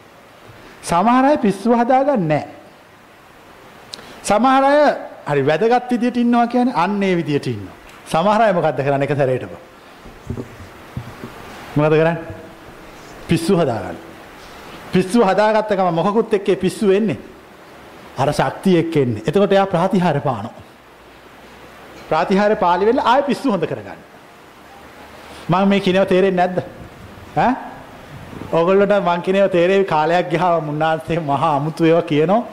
මොකක්ද අපි නොදන්න රහසක් මේ විශ්වයේ තියෙනවා. මිනිස්සෙගේ ප්‍රාතිහාර්යශක් බලයක් කියන එකක් එනෝනේ. අර අසාමාන්‍ය දේවල් කරන එකක්. ඒක සම්බන්ධ වෙලා තියෙන පිස්සු කියන தත්වයක් එක්ක. මිනිස්සු පිළිගන්නේ නැත්තේ ඒකයි. ඊට පස්සේ එයා ඒකෙන් අයින් වෙලා ආයෙ වැදගත් විදියට ඉන්නවා. ආ එයාට ඕන නම් අර පිස්සු හදාගෙන අරව කරලා ආයෙ එන්න පුළුවන්. ඒ ඒගොල්ලෝ මහා ඒ ආර්ය භාවයට පත් වෙච්ච උත්තම හරි අමුතුයි ඒගොල්ලෝ. පිස්සු නෙවෙයි. අර මෝඩයන්ට තේරෙන්නේ නැහැ. තේරෙන්නේ නැති ප්‍රශ්නේ. දැන් අර පේසකාර දුහිතෘගේ කතාව වෙලා ආවේ. එතන හිටපු මිනිස්සු බුදුහාරවන්ටත් බයින්නේ නැති. මෙයාටත් පිස්සු. මේ කෙල්ලටත් පිස්සු. මොකද මේ දෙල්ලෝ කතා කරන්නේ අපිට තේරෙන්නේ නැහැ. ඉතින් හරි ඉතින් ඒගොල්ලෝ ඒ ඥානෙ වැඩි අය. මම හොඳට මතක තියාගන්න ආර්ය භාවයට පත් වෙච්ච උතුමෙකුගේ ප්‍රාතිහාර්ය ශක්තිය තියෙන්නේ අර කියන පිස්සුයි කියන ස්වභාවයත් එක්ක සම්බන්ධ වෙලා පවතින්නේ. ඒ ස්වභාවයට පත් වුණාන් පස්සේ එයාට විශ්වය විසින් ප්‍රාතිහාර්ය ශක්තිය දෙනවා. ඒක එයාට පාලනය කරන්න පුළුවන් එකක් නෙවෙයි. සබාදහම දෙන එකක්. එතකොට එයා ඒක කළා ආයි අයින් වෙනවා. එච්චරයි. ස්වාමින්වහන්සේ මේ ප්‍රාතිහාර්ය ගැන කිව්ව නිසා ස්වාමින්වහන්සේ මේ මම දැක්කා සමහර තැන්වල මේ ඔබ වහන්සේ මේ රහතෙක් නම් ප්‍රාතිහාර්ය පෙන්වන්නේ කියලා මේ සමහරු දාලා තිබුණා. ඉතින් ලෝකේ කොහෙවත් රහතුන් ප්‍රාතිහාර්ය පෑවයි කියලා එකක් තියෙනවා. ඈ සියලු රහතුන් ප්‍රාතිහාර්ය පාන්න ඕනේ කියලා එකක් තියෙනවා. එහෙම එකක් නැහැ. එහෙනම් ඉතින් සුසීම සූත්‍රය වැරදීනේ. වැරදි. එහෙමයි ස්වාමින්වහන්සේ. එහෙනම් ඉතින් ලිච්ඡවි පුත්‍ර සුණක්කත් අපරාධනේ බුදුහාමුදුරේ ඒවා මේ බොරු කතා. ඒවට අහුවේ. මම කියන්නේ ප්‍රාතිහාර්ය කියන එක පුද්ගල මම පුද්ගලයෙක් හිතලා කරන එකක් නෙමෙයි ඒක. ඒක වැරදි එහෙම කරන්න ගියොත්. සබාදහම් විසින් කරන එකක්. සබාදහම් විසින් කරන එක. එහෙමයි. ඒ සබාදහම එයාට කරන ආශිර්වාදයයි ඒ. එහෙමයි. පැහැදිලිද කියන එක? ඒ ආශිර්වාදය කරන්න එයාගේ මානසික ශක්තිය තමයි බලපාන්නේ. ඒක විවිධ විවිධාකාර විදිහට වෙන්න පුළුවන්. ඉතින් ඒක ඒක ඉතින් ඔයගොල්ලෝ මං හිතන්නේ ස්වාමින්වහන්සේ ඒක මම හිතන්නේ ස්වාමින්වහන්සේ දැන් ඔබ වහන්සේගේ මේ දේශනාව නිසා විවිධ පුජ්‍යලයන්ගේ ජීවිත විශාල ප්‍රමාණයෙන් වෙනස් වීම මම හිතන්නේ ප්‍රාතිහාර්ය ප්‍රාතිහාර්ය කියලා දක්වන්නේ අනුශාසනා ප්‍රාතිහාර්ය. මේ කරන දේශනාවමයි. මොකද අපි මේ දේශනාවෙන් පරිබාහිරව 이르දියාරම දක්වන්න ගියොත් මේක නිකන් අර ජොබ් එකක් කරගන්න පටන් ගන්නවා. මැජික් කාරයෝ වෙන්න ඕනේ අපි. අපි වෙන්න ඕන ආර්ය මාර්ගය පෙන්වන්න ඕන. හැබැයි මතක තියාගන්නින්ලා ඒ ප්‍රාතිහාර්ය ශක්තිය මා සතු වෙච්ච බව. එහෙමයි ස්වාමින්වහන්සේ. ඒක ඉතින් අවශ්‍ය වෙලාවට අපි ඒක දැන් ඔන්න සතු වුණා අනේ එකක් පෙන්වන්න බැරිද? පිස්සු විකාරයි. ඒක යන් මොහම යන් ඉතින් තව ඉන්නෝනේ මේක මේ මේ මේ ළමයි මව් කුසෙන් එළියට ආපු ගමන් කොහෙවත් ඇවිදින එකක් අපි දැකලා නැහැනේ. ඒකට අවුරුදු 3 4ක් 5ක් 6ක් 7ක් යනවා. එහෙමයි. මිනිස්සු මෝඩයි. මිනිස්සු හැමතිස්සෙම හදිස්සි වෙනවා. ඒ ආර්ය මාර්ගයේ කෙනෙකුට අවබෝධ වෙනකොට සියල්ල අවබෝධ වෙන එකක් දෙකක් නෙමෙයි. සියල්ල අවබෝධ නැහැ කියලා සියල්ල කියන්න පුළුවන් දෙක පාරට. ඒක ක්‍රමානුකූල. මම මට තේරිච්ච එක මිනිස්සෙගේ ප්‍රාතිහාර්ය ශක්තිය කියන එක පුද්ගල මේ පුද්ගලයා තුළ පවතින එකක් නෙමෙයි. විශ්වයේ තියෙන එකක් ඒක. එහෙමයි. ඒක විශ්වය ඒ වෙලාවට කරන්නේ. ඒක එයාට හිතලා කරන්න බෑ. හිතලා කරනකොටම එයාගේ හිත ලෞකිකද ලෝකෝත්තරද? ලෞකික හිතක්. අන්න ඒ හරි 아무තු ඒක අනිත් පැත්තට කරන්න ඕනේ. වහන්සේ මම කියන්නේ මිනිසෙකුට දිවස බලන්න ඕන නම් එයා දිවස බලන්න ඕනේ මෙතනින්ද මෙතනින්ද. මෙතනින් බලන්න. ඒ වුණාට ඕනම කෙනෙක් කියන්නේ දිවස මෙතනින් බලන්න කියලා. මම කියන්නේ මෙතනින් බලන්න එපා පේන්නේ මෙතෙන්ට කියලා. මාරු වෙලා තියෙන්නේ. ඒ වුණාට මං කෙනෙක් කවුරුත් පිළිගන්නේ. මම කියන්නේ පොතකින් කියවලා නෙමෙයි ප්‍රත්‍යක්ෂ ඥාණයෙන් කියන්නේ. අවබෝධ කරපු එකකින් කියන්නේ. අනිත් කට්ටිය කියන්නේ පොතෙන් කියවලා. දිවසක ඒව හරි අමුතු ඒව මේ අහන්නත් එපුවා කිසි තේරුමක් නැහැ. ඒගොල්ලන්ට කියන හොඳයි ඔහෙලා ප්‍රාතිහාර්ය පානෙක් කෙනෙක් හොයාගෙන යන්න. අපි ප්‍රාතිහාර්ය පාන්න නැති අපේ දුක නිවා ගන්න කෙනෙක් අපි හොයාගෙන යනවා. අපි දෙගොල්ලෝ පාරවල් දෙහික යන අය. එහෙමයි. ස්වාමීන් වහන්සේ මේ ඒ කියන්නේ මිනිස්සු ප්‍රාතිහාර්ය කියලා බලාපොරොත්තු වෙන ස්වාමීන් වහන්සේ මැජික්. නමුත් ස්වාමීන් වහන්සේ ඔබ වහන්සේගේ දේශනාව මම ඇහුවනම් යම් දවසක යහපු දවසක ඒක තමයි ලෝකේ තියෙන ලොකුම මැජික් එක. එහෙමයි. ලෝකේ තියෙන ලොකු මැජික් එක තමයි දහම. ඒ දහමෙන් එහා මැජික් එකක් තාක් තවත් කාටවත් කරන්න බෑ. මොන මැජික් කාර්යයටද පුළුවන් මිනිස්සුන්ගේ දුක නිවන්න? එහෙමයි. කිසිව මැජික්කාරයකුට මිනිසුන්ගේ දුක් නිවන් දුක නිවලා හිත ශාන්ත කරන්න හැබැයි මේ මැජික්කාරයට ඒක පුළුවන්. එහෙමයි ස්වාමීන් වහන්සේ. ස්වාමීන් වහන්සේ ඒ අමතක වීම සිතට අමතක වීම මොනවා කියලා සිතට පීඩාවක් දැනෙන්නේ නැහැ. ඔව්. ඒ අමතක වීම නෑ සිතට පීඩාවක් ඒක ඒක සිතේ ස්වාභාවික తত্ত্বය. ඒක මේ බෙහෙත් ගන්න ඕන තත්ත්වෙකුත් නේ ඒක සාමාන්‍ය එක එක්කෙනා පුරුදු වෙච්ච විදියනේ.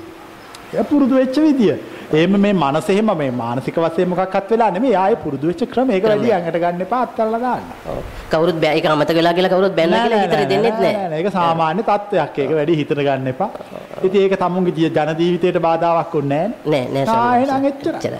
ස්වාමීන් වහන්සේ දැන් ඔබ වහන්සේ කිව්වා මේ මේ සිත අල්ලා ගැනීම ගැන යම්කිසි දැන් භෞතික දෙයක් අල්ලා ගන්නේ දැන් දෙපාරක් බලනවා නම් තමයි ඒක අල්ලා ගැනීම වෙන්නේ. දැන් පාරක් බලලා ඒක ගැන අදහසක් නැත්නම් දෙපාරක් බලලා ඒක බලන්න තව පාරක් ආසයි හිතනවා ඒක අල්ලා ගැනීමක්. ඔව් ඔව්. ඒතර සම්නස මට මේ භෞතික දේවල් ගැන බලන්න එහෙම ආසාවක් කියලාවත් ඕනකමක් කියලාවත් එහෙම දෙයක් ඇති වෙන්නෙත් නෑ ඒක පීඩාවක් කියලා දැනෙන්නෙත් නෑ. එහෙම බැලෙන්නෙත් නෑ බැලෙනවද කියලා මට මතකවත් නෑ. එහෙම ම, පීඩාවක් දැනෙන්නේ නෑ. නමුත් ම්, දැන් gedara dora වැඩ කිරීමේදී අ, ඒක විඩාවක් දැනෙනවා. ම්, يعني අස- අසීමිත වැඩ ප්‍රමාණයක් gedara කරන්න තියෙනවා. ඔව් ඒක විඩාව දැනෙන්න එපා. ඔව්. අන්න එතෙන්දි විඩාවක් දෙනවා ස්වාමීන් වහන්සේ. එතකොට ඒ ඒ දැනෙන විඩාව ඒ වැඩ කරගෙන කරගන්න මේ බැරි විඩාව පරීක්ෂා කරන්න ඕන. මේ මට ඇත්තටම කායික විඩාවක්ද මේ දැනෙලා තියෙන්නේ? මට මේ මානසික විඩාවකුත් මේකත් එක්ක තියෙනවද? ඒ දෙක පරීක්ෂා කරලා බලන්න ඕන. ඔය දෙකම දැනෙනවා ස්වාමීන් වහන්සේ. ආහා එහෙනම් එතකොට වෑයම් කරන්න ඕන මානසික විඩාව නැතුව කායික විඩාව තියෙන්න අරින්න. කායික විඩාව නැති කරන්න බෑනේ. ඒකට නිදා ගන්න ඕන. ඒව කරන්න ඕන. මම කියන්නේ මේ මානසික විඩාව නැති කරගන්න කියලා ඒකට ලේසිම විදිය තමයි මනස පිළිබඳ පරීක්ෂා කිරීම ඒ- පිළිබඳ ගවේෂණය කිරීම ඔව් ඔය දැන් ඒ වැඩ කරන වැඩිවීම තුල කොහොමද ස්වාමීන් වහන්සේ ගවේෂණ දැන් ඒ හැම කෙනෙකුටම වැඩ කරන එක් සීමාවක් තියෙනවා. එතනින් එහාට කළ ගමන් කායික විඩාවයි මානසික විඩාවයි දෙකම දැනෙන්න පුළුවන්. එතකොට එයාට මෙහෙම කරන්න පුළුවන්. දැන් අපි දන්නෝනේ මෙතනින් එහාට මට මානසික විඩාවක් තියෙයි කියලා එයාට ඕනේ එයාගේ ප්‍රමාණය ධාරිතාව වැඩි කරගන්න. එතකොට එයා මම ධාරිතාව වැඩි කරගන්නවා. මම තව වැඩ කරනවා කියලා හිතලා බලෙන් කරන්න පුළුවන්. එහෙම බලෙන් කරනකොට එයාගේ ධාරිතාව වැඩි වෙනවා. ඇත්තටම හොඳ ධාරිතාව වැඩි වෙන එකද අඩු වෙන එකද? වැඩි වෙන්නේ ධාරිතාව වැඩි වෙන එක හොඳයිනේ හොඳට වැඩ කරන්න පුළුවන්. කිසි මහන්සියක් නැහැ. හරි උද්‍යෝගයයි. වැඩක් දුන්නත් හරියට කෙනෙකුට කතන්දරයක් නොකියන්න කරනවා. ඒ නිසා හැම විටම වෑයම් කරන්න ඕනේ ධාරිතාව වැඩි කරගන්න. ධාරිතාව වැඩි කරගන්න ඕන අර මේ විඩාවත් එක්කම ගිහින් ගිහින් තමයි ඒ සීමාව ඕනම මිනිස්සෙකුට පුළුවන් තමන්ගේ ධාරිතාව වැඩි කරගන්න. ශාරීරික විඩාව දැනන අවස්ථාවේ ස්වාමීන් වහන්සේ. ශාරීරික විඩාව යනවා හොඳට ටිකක් නිදා ගන්න ඕන තේ එකක් බොන්න ඕන වාඩි වෙලා ටිකක් ඉන්න ඕන Tamanට ඇති කියලා හිතුනවා මේක නවත්තලා ඉඳලා ඔය. හැබැයි මේ ශාරීරික විඩාවේදී ගොඩක් පරිස්සම් වෙන්න ඕනේ. එතකොට සමාජලාට දැන් අපි ඇඟපත ඕනවට වඩා මහන්සි වෙලත් වැඩ කරන්න ගියාම සමාජලාට කැඩෙන්න පුළුවන් ඒවා. දැන් හිතේ ස්වභාවය හිත හදාගන්න පුළුවන්. මේවා හදාගන්න ගියාම කල්යන. අමාරුයි. දැන් මේ කියන එක තේරෙනවද? ඒ නිසා අර මම කියන්නේ මෙතන වැඩිපුර අවධානයක් අපි යොදන්න ඕනේ කායික විඩාව කෙරෙහි. කායික විඩාව ඉතින් නැති කරගන්න ක්‍රම තියෙනවනේ නිදා ගන්න පුළුවන් ටිකක් විවේකයෙන් ඉඳලා. හැබැයි මේ විවේකයෙන් හිටියත් වැඩ කළත් හිතේ වෙනසක් වෙන්න බෑ. එතෙන්ටපත් වෙන්න. ඔව්, ඒ කායික විඩාවත් එක්ක තමයි මානසික විඩාව ඇති වෙන්නේ ස්වාමීන් නැති වහන්සේ. වෙන ඕ, ඔව්. ඒ කායික විඩාව නැති දෙක වෙන් කළා දකින්න ඕන. ඔව් කායික විඩාව නැති වෙච්ච තැන මානසික විඩාවක් ඇති වෙන්නේ දිහන්නේ නැහැ. නෑ නෑ නෑ ඊට පස්සේ කායික විඩාව තියෙද්දි මානසික විඩාව සම්පූර්ණයෙන්ම නැති අන්න එතකොට තමයි අර අර මං කියන අර අවදිමත් මනස හැදෙන්නේ. එහෙමයි ඊට පස්සේ හැදෙන්නේ. එතකන් හැදෙන්නේ. ඔය ඔය කෑල්ල තේරුම් අරගෙන ඕක වඩන්න ඕන. අවුරුද්දක් දෙකක් විතර වඩන්න ඕන. එතකොට තමයි තේරෙන්නේ මගේ ශරීරය මහා අමුතු වෙලා ගියා. නිකන් මහා මේ කරන්ට් එකක් වැදිලා වගේ කොහෙද. එහෙමයි ස්වාමීන් වහන්සේ.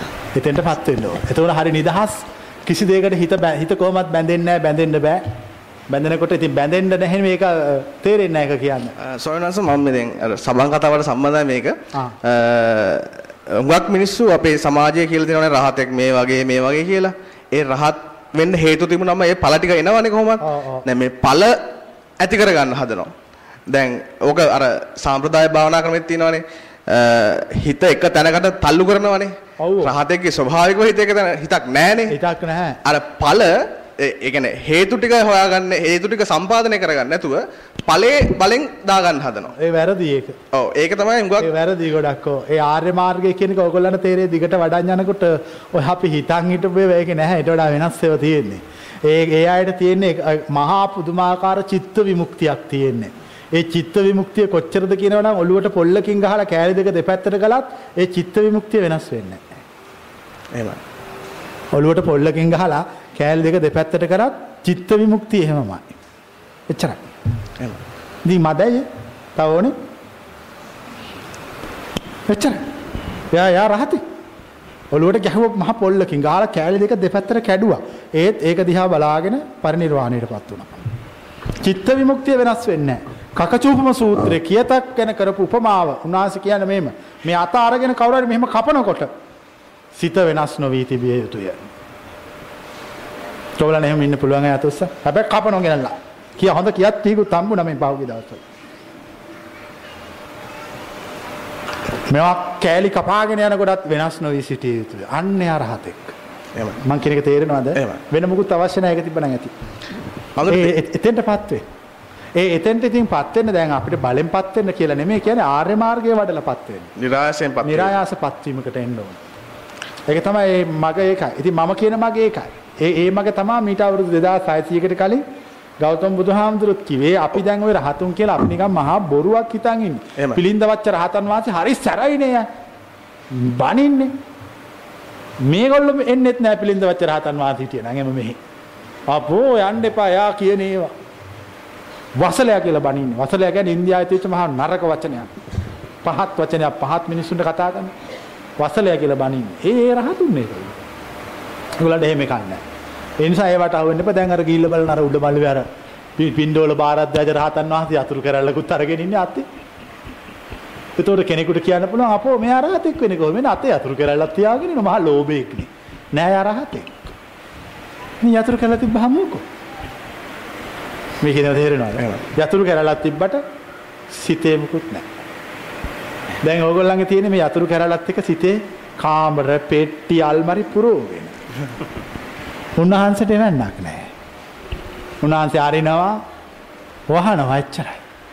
ඒ ආර්ය මාර්ගය ඒ ඒ ආර්ය මාර්ගයේ ප්‍රත්‍යක්ෂ කරපු උතුම හරි අසාමාන්‍යයි. අමුතුයි ඒගොල්ලෝ. ඒගොල්ලෝ ඔය දැන් අපි හිතන් ඉන්නේ අර පොත්පත්වල පොත්පත්වල පශ්චාත් කාලීනව ගොඩාක් මේ අර ජෛන ජෛන ආගමේ තිබ්බනේ ජිනවරු ජින ජින සංකල්පයක් තිබ්බනේ දැන් බුද්ධ ආගමේ රහතුන් වගේ ජෛන ආගමේ හිටියේ ජිනවරු. ඒ ජිනවරු ගානට දැම්මා රහතුන්. ජිනවරු ඉන්නේ බොහොම මෙහෙම කරගෙන. සීලෙ උපරිම කට්ටිය. මේ මත උස්සන්න රහතුන් රහතුන් ඒ ජෛන ආගමේ රහතුන් බුද්ධ ආගමේ එහෙම නැහැ බුද්ධ ආගමේ රහතුන්ගේ තියෙන චිත්ත විමුක්තිය විතරයි අකෝප්ප චිත්ත විමුක්තිය අකුප්පා මේ චේතෝ විමුක්ති අයමන්ති මාජාති නත්ති දහන පුනම් බව. දැන් ඔය ඕගොල්ලන්ට එතකොට පුරුදු වෙලා තියෙන ජෛන ජිනවරුද බෞද්ධාගමේ රහතුන්ද? ජෛන ජිනවරු පුරුදු. ඒ ඒකොල්ලත් එක තමයි සසඳ. මොකද ಭಾರತೀಯ පහළ වුණේ ජෛන ආගම තුල බුදු සමය පහළ වුණේ. බුද්ධ ආගමේ මේ දෙකක් තියෙන බුද්ධ ආගම කියන්නේ චිත්ත විමුක්තිය. චිත්ත විමුක්තියටපත් වෙච්ච අය කොහොමත් අතපය සංවරයි. ඒගොල්ලන්ගේ 아무තු අසංවරය නැහැනේ. එච්චරයි. ඒගොල්ලෝ තමයි සැබෑ සිල්වතුන්. අපි දැන් හිතන් ඉන්නේ සැබෑ සිල්වතුන් කියලා ඔලුව උස්සන්නේ නැතුව කඳබඩ පහත් කරගෙන නිකන් අර මේ මරලා දාලා වගේ ඉන්නවා නම් අන්න සිල්වත්. ඒවා වැරදි ඒවා නෙමෙයි මේ මේ මේ දහම ඊටාම ගැඹුරු දහමක්. මේ ලෝකෙට මේ ධර්මයේ පහළ වෙනකොට ඒක තේරුම් ගන්න පුළුවන් පිරිසකුත් ඇවිල්ලා ඉන්නේ. එතකොට ස්වාමීන් වහන්සේ දැන් මේ ධර්මයේ පහළ වෙන්න ප්‍රමාද වුණොත් ඒගොල්ලෝ වේලාසින ඉපදිලා ඉන්නවනේ. කොටස් ධර්මයේ තුනක් උපදිනවා. උප ධර්මයේ පහළ වෙන්න කලින් කොටසක් ඇවිල්ලා උපදිනවා. එහෙමයි. ධර්මයේ පහළ වෙනකොට කොටසක් ඇවිල්ලා උපදිනවා පහළ වෙලා ඉවරුනහම කොටසක් තුන් කොටසකට ඇවිල්ලා උපදිනවා. ඒ තුන් කොටසෙමයි සත්‍ය අවබෝධ කරන්නේ. වහන්සේ දැන් එතනදී දැන් දැන් ඔය ධර්මය පහළ වෙන බව එයා දන්නේ නැහැ. නමුත් එයා ඉපදිලා ඉන්නේ ඒකට තමයි. නමුත් එයා ඒ නොදන්න කම නිසා ඔය ඒගොල්ලන්ගේ ජීවිතේ ස්වාමීන් වහන්සේ හැමතිස්සෙම තියෙන මේ මොකක්ද අඩු කෑල්ලක්. ඒ ඒගොල්ලන්ට මොනවා කෙරුවා සන්තෝෂ වෙන්නේ නැහැ. එතකොට ඒගොල්ලෝ සන්තෝෂ වෙන්න ಜಾති හොයනවා. නමුත් හැම එකෙම එයා තේරුම් ගන්නවා ඒකත් හරි ගියේ නැහැ මේකත් හරි ගියේ නැහැ. එහෙම ගිහිල්ලා ගිහිල්ලා දවසකදී මේ දහම ඇහෙනවා. ස්වාමීන් වහන්සේ දහම ඇහෙනකොට ඒ මිනිස්යාගේ ජීවිතේ සමහරලාට අර අර නොදන්න මෝඩකම නිසා එක එක දේවල් සාපේක්ෂක හෙව්වනේ ස්වාමීන් වහන්සේ සාපේක්ෂක නිසා ඒ මිනිස්සයා හිර වෙලා ඉන්නවා ස්වාමීන් වහන්සේ. හැබැයි එයාට මේක ඇහුණට පස්සේ එයාට තේරෙනවා තමන් ඉන්නේ නික අර සරලවම කිව්ව ස්වාමීන් වහන්සේ අසුචි වලක ඉන්නේ කියලා තේරෙනවා. එතකොට මේ මිනිස්සයා කුමක් කළ යුතු ස්වාමීන් වහන්සේ? වහාම ගැලවිය යුතුයි. එහෙමයි. මා මා සොයපු දේ ලැබී ඇත. මා මේක තමයි සෝසයාගේ ලැබී ඇත කියා එයා ඒක ගැලවෙන්න වෑයම් කළ යුතුයි. එහෙමයි. නැත්නම් එයාට සෝබාදහම සාප කරනවා. එහෙමයි ස්වාමීන් වහන්සේ. ස්වාමීන් වහන්සේ කසාද දැන් මම මේ මං ගැන කියන්නේ ස්වාමීන් වහන්සේ. ඒ කියන්නේ දැන් මට මට තේරලා තියෙන්නේ මේක සත පහකට වැඩ නැති වැඩක් කියලා. නමුත් මට ඒක කරන්න සිද්ධ වෙලා තියෙනවා දැන්. දරුවෝ දෙන්නෙක්? ඉන්නවා. කර- කරන්න පුළුවන් උපරිම තැන උපරිම වෙලාව දක්වා කරන්න. එහෙමයි. මොනව කරන්නේ? වහන්සේ මට තේරෙනවා මට මට නම් ශක්තිය තියෙනවා. ඒ ක්ෂණේ අතහැරලා දාන්න කෙහෙම වල මට වැඩක් නැහැ. නමුත් අර සමාජෙත් එක්ක බලද්දිත් හිතෙනවා. එතකොට සමාජයෙන් එතකොට මේක ලොකු අසාධාරණයක් වෙනවා. සංග්‍රමාජිත් සූත්‍රය අසාතියේද? නෑ. සංග්‍රමාජිත් සූත්‍රය. නෑ. සංග්‍රමාජිත් කියලා රහතෙක් හිටියා.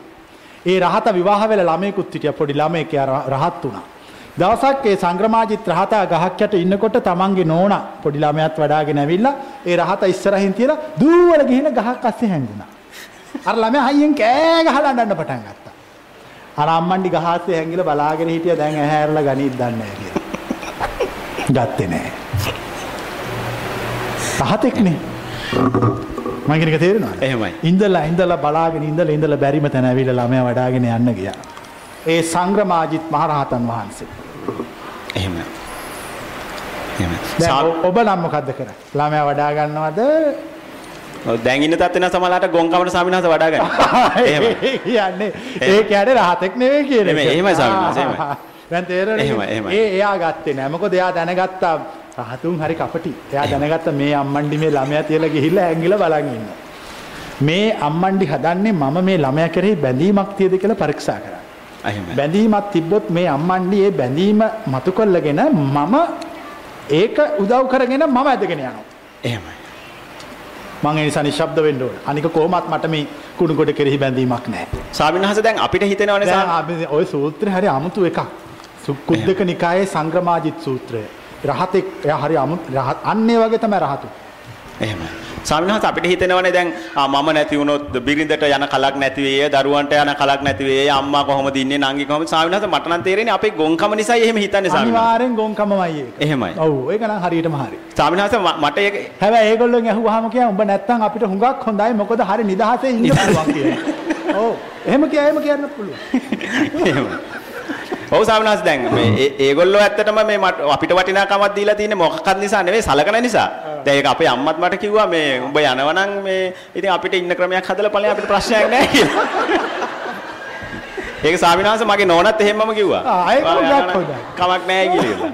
මම නම් ඒ වෙලාවෙම යනවා නේ මම හිතබල ගැන දැන් දැනගත්තා මම යනවා යන්න කියලා යනවා ඉතින් දෙයක් නැහැ එක එක්කෙනාගේ ස්වභාවයනේ ඒක ඈ කොහොම හරි ඉතින් ඔය කියන දාම ටික ටික හරි අහලා ස්වාමීන් වහන්සේ එතෙන්ද මෙන්න මෙහෙම දැන් දැන් අපි අහලා තියෙනවා ස්වාමීන් වහන්සේ කොසල් රජුරවණ්ඩ දාව ගණිකාවකට ඉපදිච්ලා පාරවීසි කරලා ගියපු ජීවක රජමාලිගය හැදිලා වෛද්‍යවරයෙක් වුණානේ ස්වාමීන් වහන්සේ. එතකොට දැන් අපිට අපිට ඒක මේ පැත්තට සම්බන්ධ කරලා බැලුවොත් එහෙම දැන් මම මගේ පවුලේ සියල්ල අතහැරියත් ඔවුන් සසරේ යම් ගෙනාවු කුසල කුසලයක් තියෙනවා අනිවාර්යෙන් ඒක ලැබෙනවාමයි. ඒක එච්චරයි වෙන වෙන මුකුත් වෙන්නේ ඒක මම හිටියත් එහෙමයි වෙන්නේ නොහිටියත් එහෙමයි වෙන්නේ. ස්වාමීන් හරි. හරි හරි හරි එහෙමයි එහෙනම් අපි. වැඩසටහන නවත්තනවා